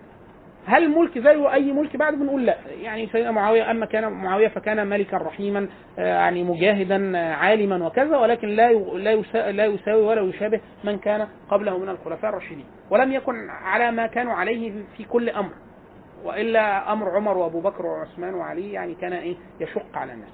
طيب. إيه النقاط الجديدة؟ يعني من أول بداية خلافه خلافة بنو أمية. إحنا بنقول خلافة بنو أمية هتستمر من عام 41 هجري لغاية 132 هجري. من أول ما سيدنا معاوية هيستلم الخلافة لغاية 132 هجري قتل مروان بن محمد هنا آه، في مصر. طيب آه إيه الجديد في خلافة بنو أمية؟ إيه الجديد؟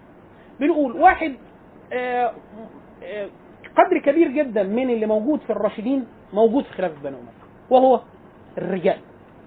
يعني مين اللي بيحكم؟ مين اللي بيقاتل؟ مين امراء الجند؟ كثير جدا منهم إيه؟ منهم صحابة وتابعين وكذا وأهل علم وكذا. فإحنا بنقول إن المجتمع تحت قدر كبير جدا منه على الهيئة الأولى. طب إيه المختلف؟ إيه الجديد؟ إيه الجديد؟ واحد سياسة الحكم أو فلسفة الحكم. يعني سيدنا معاوية بعض النقول تقول أن معاوية بن أبي سفيان حكم الناس عامين هو حكم 20 سنة. 41 ل 60 41 أو ل 61 حكم 20 سنة. حكم أول عامين لا يخرم من حكم عمر شيء. يعني نفس حكم عمر بن الخطاب. اذا واحد يقول لك إزاي؟ لأنه هو حكم لعمر بن الخطاب 10 سنين. كان أمير الشام. وحكم معاوية عثمان بن عفان كله. يعني هو كان بيحكم للراشدين أكتر من حاجة و20 سنة. فهو عارف الأمور كيف تدار. خلاص وهو كان حليم. بل يضرب بيه المثل الحلم.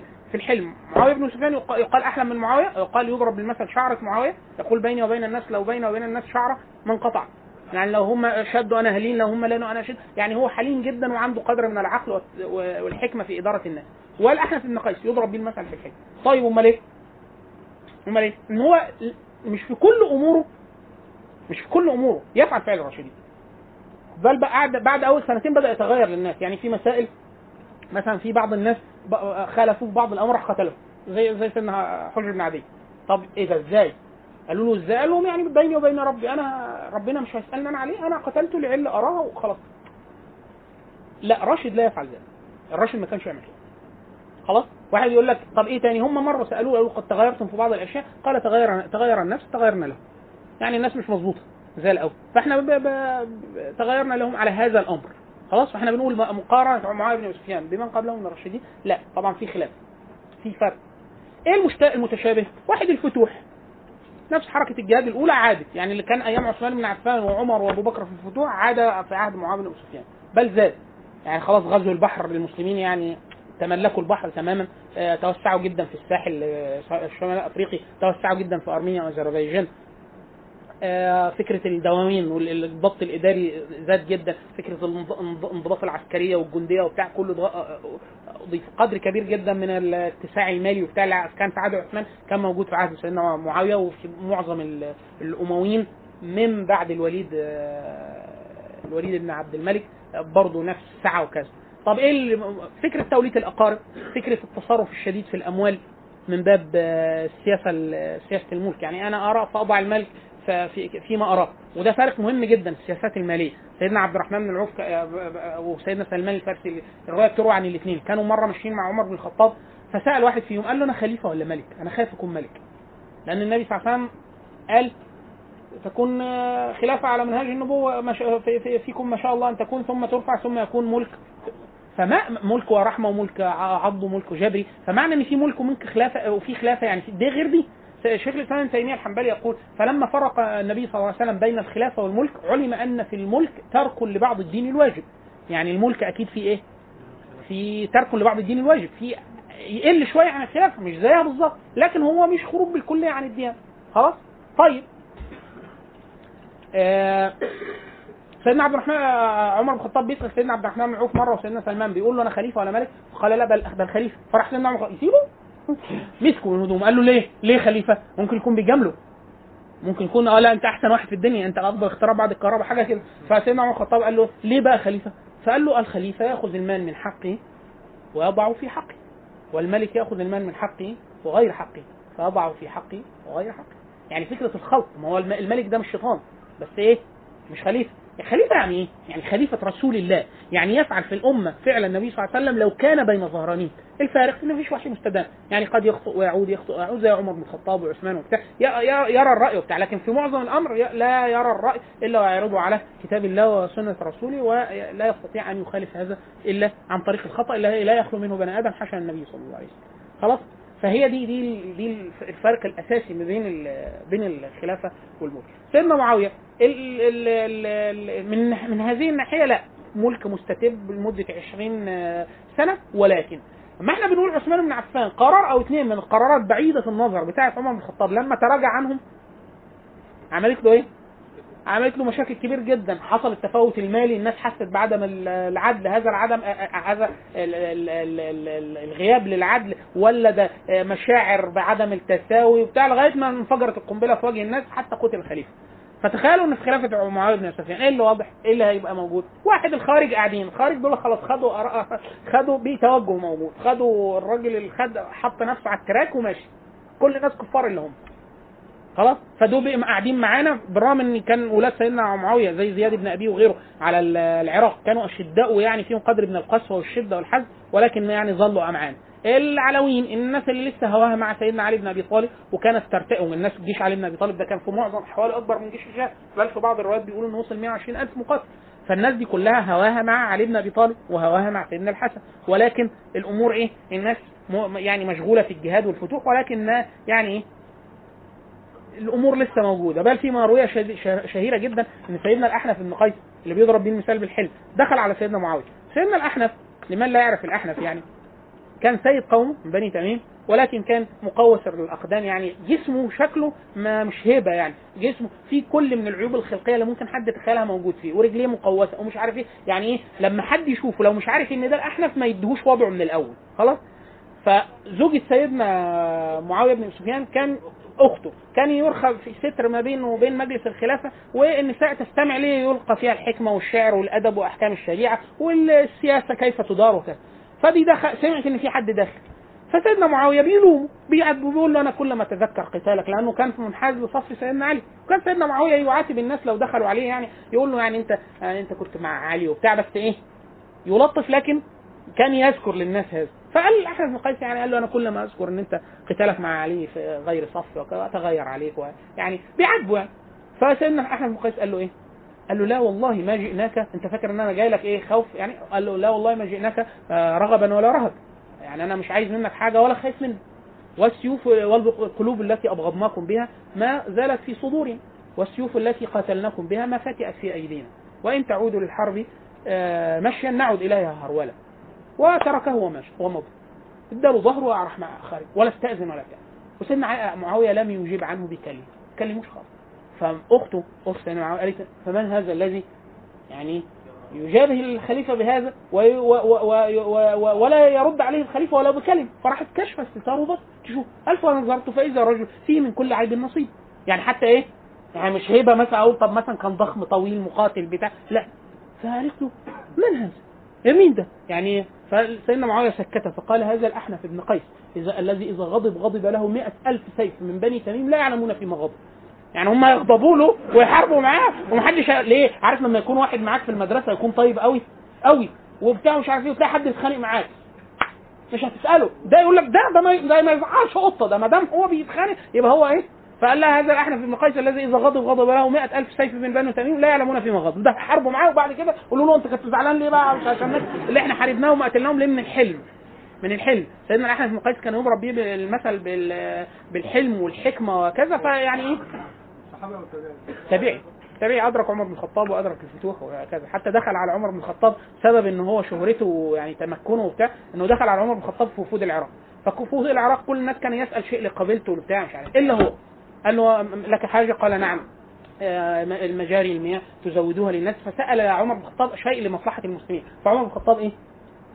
عجبه عقله. ليه فصيح ورزين وعاقل وبيسال مصالح المسلمين وعمر بن الخطاب هو راجل إيه؟ تخصصه إن هو يشتري لعيبة محترفين. يعني هو عارف لما يكون مدرب كل واحد يقول لك آه ال fitness بتاعه حلو آه عمر حكيم عاقل دين بتاع هاته. فسيدنا عمر بن الخطاب يعني إيه؟ أعجب بيه. وبعد كده بص معاه الراجل اللي معاه مسافر بيبقى معاه حاجة بيشيلها في الصف فيها هدومه وبتاع. فبص في البتاع اللي مع سيدنا راح مادد ايده لقي توب جديد شريف. قال له بكم هذا؟ هو طبعا إيه عمر بن الخطاب لا يكون مسرف فقال له فسيدنا الاحنف بي- بيقول فقال من هيبة عمر أنا شاريه ب 12 درهم. الحتة. قال قلت بثمانيه ثمان دراهم.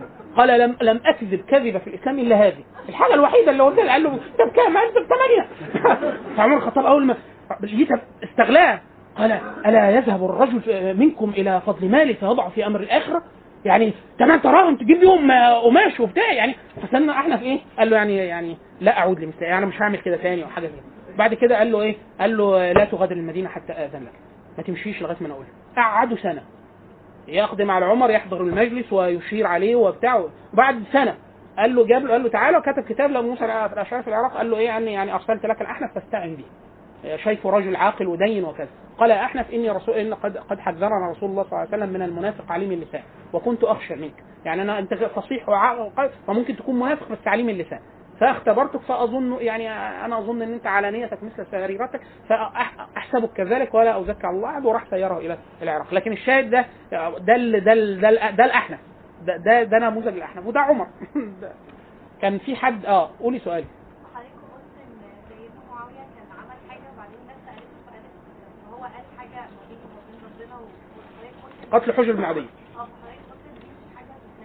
يعملها آه آه، الدماء ليه؟ ما المفروض في قاضي يحكم بده. ال- ال- ال- ال- الدماء كده مباشرة على طول. ده عمر بن الخطاب في عصره آه، مرة راح مصر من الأمصار فسألهم قال لهم في حاجة جدت في مسألة وقعت. قالوا له آه في واحد ارتد. قال لهم طب أنتوا عملتوا معاه إيه؟ قالوا له قتلناه عمر بن الخطاب أول ما قالوا له كده فقال عجلتم عليه؟ يعني أول ما قالوا لكم ارتد قتلتوه على طول؟ قالوا له آه. فقال اللهم لم آمر ولا ولم أرضى حين سمعت. يعني أنا لا- قلت لهم يعملوا كده ولا نرضيه قال ألا حبستموه ثلاث أيام. يعرض عليه الإسلام ويؤتى له بالخبز يعني تأكلوه تشربوه ممكن يكون حاجة مضايقاه حد غلصة تقتلوه كده على طول.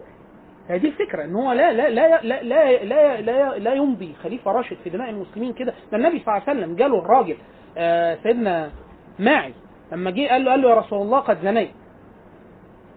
فطهرني. فالنبي صلى الله عليه وسلم بص له وسابه جاله تاني سابه. ثالث مرة قال حد يقوم يشوفه الراجل ده مجنون تعرفوا إن هو مختل ولا قالوا لا لا ده وبتاع. بعد كده قال لهم حد يقوم يشم بقه يكون شارب خمرة وبتاع. وبعد كده واحد تاني قال له أتدري ما الزنا؟ أو أنت فاكر ممكن يكون واحد إيه مثلا عمل حاجة فيها فسق ولا بتاع لكن مش عارف هو إيه الزنا الزنا الذي يحد به الرجل والمرأة. فقال تدري ما الزنا؟ حتى في الحديث يعني آه، النبي صلى الله عليه وسلم صرح بلفظ يعني اللفظ فيه قدر كبير جدا من التصريح وعدم التورية لأنه هيحد. خلاص كل ده وهو نبي يأتي له الوحي من السماء. لا لا طبعا تسأل الناس في الدماء. علي سيدنا أبو بكر الصديق سنة الراشدين عكس كده. أبو بكر الصديق كلم أحد من الناس بشيء فالرجل خالفه. فواحد من الناس الحاضرين المجلس قال مرني يا أمير المؤمنين أضرب عنقه. سيدنا أبو بكر الصديق قال لو أمرتك فعلت يعني أنا قلت لكم؟ قال نعم. قال ما كان هذا إلا لرسول الله صلى الله عليه وسلم. يعني ها أما الخوض في دماء المسلمين آه، سيدنا خالد بن الوليد لما قال النبي صلى الله عليه وسلم في الرجل آه، ذو خيصره التميمي اللي هو رأس الخوارج لما جاء للنبي صلى الله عليه وسلم بعد ما قسم أموال حنين فقال اعدل يا محمد فإنها قسمة لم يرى بها وجه الله. فقال من يعدل؟ وان لم أعدل وأنا أمين من في السماء. ثم تولى الرجل فقام خالد بن الوليد فقال يا رسول الله أمرني آه، أضرب عنق هذا ال- المنافق. فقال النبي صلى الله عليه وسلم دعه فإنه يصلي وقد نهيت عنه يعني نهيت عن المصلين. فقال وكم من مصلي يعني يعني منافق القلب أو كذا فالنبي صلى الله عليه وسلم قال أنا لم أمر بأن أشق على صدور الناس. وعثمان بن عفان لما خيره الناس في قتال ال- الخارج ومن حصروه قال قال آه، فبما تقتلونني؟ وقد سمعت رسول الله صلى الله عليه وسلم يقول لا يحل دم امرؤ مسلم إلا بثلاث. آه لا يحل إلا لا يحل دم امرؤ إلا بثلاث. النفس بالنفس والسيب الزاني والمفارق لدين والتارك لدينه المفارق للجماعة. حتى التارك لدينه المفارق للجماعة ده عمر قفلها لي. حتى المرتد مطلق المرتد كده لا يقتل مباشرة بل يعرض على السيف. بل سيدنا سفيان الثوري وغيره من أئمة المسلمين يقول يعرض على السيف ابدا. يعني يعني عذرا يستتاب ابدا يعني لا يقتل. حتى إن لم يدعو إلى الكفر أو كذا. خلاص؟ فلا الخوض في دماء المسلمين سياسة ده ده باب باب إذا لما فتح لم يغلق على الأمة حتى الآن. وإلا عثمان بن عفان قال يعني لما جمع الناس عشان عشان كده السلف يعظم عثمان بن عفان في موقفه وقف موقف لا لا, يقف إلا نبي اللي هي فكرة البقاء على الحق و- وعصمة دماء المسلمين حتى لو هيقتل هو. قال استشهد أستحلفكم بالله هل منكم؟ لما جمع الناس قال هل منكم من سمع رسول الله صلى الله عليه وسلم يقول من يشتري بئر وله الجنة فاشتريتها بمالي؟ فقالوا نعم. قال قال اللهم فاشهد. قال هل فيكم من سمع رسول الله صلى الله عليه وسلم يقول من يجهز جيش جيش العسرة؟ فجهزته وله الجنة فجهزته بمالي فقال الله فقال اللهم فاشهد. قال, قال يعني بعد ما شهدهم قال هل فيكم من سمع رسول الله صلى الله عليه وسلم يوم أن وقف على أحد فاهتز به أحد؟ وكنت أنا وأبو بكر وعمر والنبي فقال اثبت أحد فليس عليك إلا نبي نبي وصديق وشهيدين فسكن أحد؟ فقالوا نعم قال اللهم فاشهد. فهي الفكرة أنه أنه قال فبما تقتلونني؟ يعني دم المسلم ده المحرم كيف كيف يستباح؟ كيف يستباح؟ خلاص؟ فهو هو قتله سياسة لا وفي قاضي قول للقاضي. والقاضي لم يحكم لم يقتل. وإلا توسع بعد ذلك في الدماء. الحجاج بن يوسف قتل لك 100000 نفس. وسيدنا وعبد الملك بن مروان قال من قال ليتقي الله قتلته. و والعباسيين قتلوا كل من رأوا قتله سياسة. وهذا الباب لم فتح لم يغلق على الأمة. هي فكرة الخوض في دماء المسلمين. خلاص؟ فبما يقتل الناس. لا دم- دماء المسلمين معصومة كما أخبر النبي صلى الله عليه وسلم ولا يقتل إلا من دخل فيها بيقين. بيقين يعني يبقى في قاضي وبتاع ومش عارف إيه لغاية ما يستيقنوا ولا حجة يقتل. هنا بقى مش اللي هو بال... آه بالكيلو. حجاج بن يوسف وهو على منبر الكوفة قال من امرت أن يخرج من هذا الباب فخرج من هذا حل دمه. يعني إيه؟ زياد بن أبيه قال اياكم والزرفات ودلج الليل أي حد يمشي بعد العشاء يقتله. فأتي له برجل فقال ألم تسمع بأني قد نهيت؟ فقال أعز الله الأمير كنت في البادية. مش عارف إن أنت خدت قرار قانون طوارئ ولا أحكام عرفية ما كانش في حاجة. فقال ما أظنك إلا صادقا. يعني واضح فعلا أن أنت ما سمعتش ولكن في قتلك مص- مصلحة للمسلمين وقتله. فهذا الباب لما فتح على الناس لم لم يسد بعد عثمان. بل عثمان قال لهم هذا. قال إن تقتلونني لا تصلي بعد جماعة ولا تقاتلوا عدوا جماعة. يعني هذا الأمة لا تجتمع بعد ذلك بسبب إن هم يعني خاضوا في في في في, دم عثمان عليه رضي الله عنه. طيب الشاهد. فدي هي دي الفكرة ده اللي إحنا بنقول الخلافات. لكن فكرة الفتوح والملك وكذا. بانتهاء باقتراب من خلافة سيدنا نهاية خلافة سيدنا معاوية هنا بقى عندنا إشكالية جديدة. إن سيدنا الحسن مات في خلافة سيدنا معاوية. في أول بعد أول خمس سنين توفي سيدنا الحسن. بل هو سم. الراجح إنه سم ولم يصرح بمن قتله ولكن هو الر- الراجح إنه سم. دس عليه فسم. خلاص؟ طيب نعمل إيه بقى؟ دلوقتي ما فيش سيدنا الحسن فالمعاهده اللي بينه وبين سيدنا معاوية مش موجودة. طيب مين يستخ... يستخلف؟ خلاص المفروض سيدنا معاوية المفروض ده الصح بقى. ودي دي إضافة إن المفروض كان يعمل إيه؟ يعمل زي عمر إما يتركها في عدد من الناس يرضى عنهم الناس بسبب آه، بسبب الأفضلية والديانة وكذا إما يتركها خير خيرة. يا إما يستخلف واحد بعينه يقول أنا هستخلف كذا ويبايع له بيعة حرة. خلاص عمر بن الخطاب عشان يقطع ألسنة الناس قالوا له ولي عبد الله بن عمر قال لا كفى يكفي بني الخطاب أن يحاسب على الخلافه رجل واحد خلاص فمنع التوريث خلاص ومنع أن تغصب الأمة على رجل سابها خلافه سيدنا معاوية عفى الله عنه اضطر الأمة إلى مضيق لم تخرج منه وهو قال لهم إيه؟ قال لهم طب إحنا دلوقتي نعمل إيه وبتاع؟ قالوا له أنت لو تركت الأمر يعني عاد الناس لفوضى وكذا وبتاع. والرجل يرى في ابنه ما لا يراه غيره. فارتأى أن يبايع يبايع الناس ليزيد بن معاويه وهو حي. وهو حي، يعني سيدنا أبو بكر الصديق استخلف عمر بس ما بايعلوش وهو حي. بويع لعمر بعد وفاة أبو بكر، آه، اجتمع الناس يا اخوانا تبايعوا لعمر فلما بايع صار خليفة وإن لم يبايعوا ما صار خليفة. خلاص؟ ف... فبدأ يجمع البيع له وهو حي. بالرغب والرهب يعني في ناس قالوا لا كويس ما إحنا عايشين كويس يعني سيدنا معاوية في في وقته وفي خلافته كانت الناس إيه في قدر ما من السعه وفي جهاد مفتوح وكذا فالأمور عامة الأمور الدنيوية حسنة. خلاص؟ لكن ما زال الناس ما زال الناس يستشرفون لفعل علي وعثمان ويعني الراشدين. خلاص؟ فبدأ يش يعني يحشد ليزيد بن معاوية حتى يعني بلغ الداعي كان أظن مروان بن الحكم كان يدعو لخلافة إنه يستخلف يزيد فقام خطيبا في الناس في المدينة. مين قاعد في المدينة؟ سيدنا سيدنا الحسين، سيدنا عبد الله بن الزبير، سيدنا عبد الرحمن بن أبو بكر الصديق. فشاهد آه، نقول دي ونفس. سيدنا عبد الرحمن آه، ابن أبو بكر الصديق سمع مروان بن الحكم بيقول إيه على رؤوس الناس بيقول فإن أمير المؤمنين معاوية يعني عزه الله نظر في أحوال الناس فوجد أنه يعني فلم يجد خيرا من يزيد بن معاوية يصلح يعني به أمور المسلمين وكذا فقام له عبد الرحمن عبد الرحمن بن ابي بكر على رؤوس الناس وقال له كذبت وكذب معاوية ما الخير أردتم لأمة محمد؟ ولكن أردتموها هرقلية. كلما هلك هرقل قام هرقل أنتوا عايزينها وراثة. عايزين تحولها الملك وراثي خلاص؟ فقام فقام عليه الحرس. طر وراه فدخل حجر عائشة. دخل بيت سيدة عائشة. فطبعا امتنع عن نفسه. يعني إيه؟ فمروان الحكم مش عارف يعمل له حاجة فقال والله ما يعني ما يعني ما يصبرني عليك وكذا إلا أن قد نزل فيك القرآن و وتلا بعض الآيات قال نزلت في حقك فسيدة عائشة من ورا الباب قالت له والله كذبت ما نزل فينا. يعني قال أبو بكر يعني شيئا من كتاب الله وإنما نزلت فيك وفي أبيك. يلا خد بقى. يعني انت أنت عايز إيه؟ أف لكم تعدانني. فقال قال لها قال له دي نزلت فيك أنت. فقال له لا. فالسيدة عائشة قالت له إيه؟ آه نزلوا في- نزلت في أهلك أنت. خلاص. فلما سمع الكلام إيه؟ غادر. لكن وضح الكلام إن إيه؟ إن عبد الرحمن بن أبو بكر الصديق سيدنا الحسين سيدنا عبد الله بن الزبير على غير هذا. بقية الناس بقية الناس دخلوا فيما دخل فيه الناس. قالوا لا نبايع الأمر يبقى مستقر وكذا وبتاع. خلاص طبعا بويع ليه؟ يزيد بن معاوية بعد وفاة سيدنا معاوية. اجتمع عليه الناس إلا هؤلاء النفر اللي إحنا سميناهم دول. خلاص في خلافه يزيد بن معاوية اجتمع عليه أشياء يعني ثلاث أو أربع مصائب يعني ي- ينظر ان هي في عصر حد من الملوك يجتمع فيهم وفي هذا الوقت القصير جدا من ال- الزمن.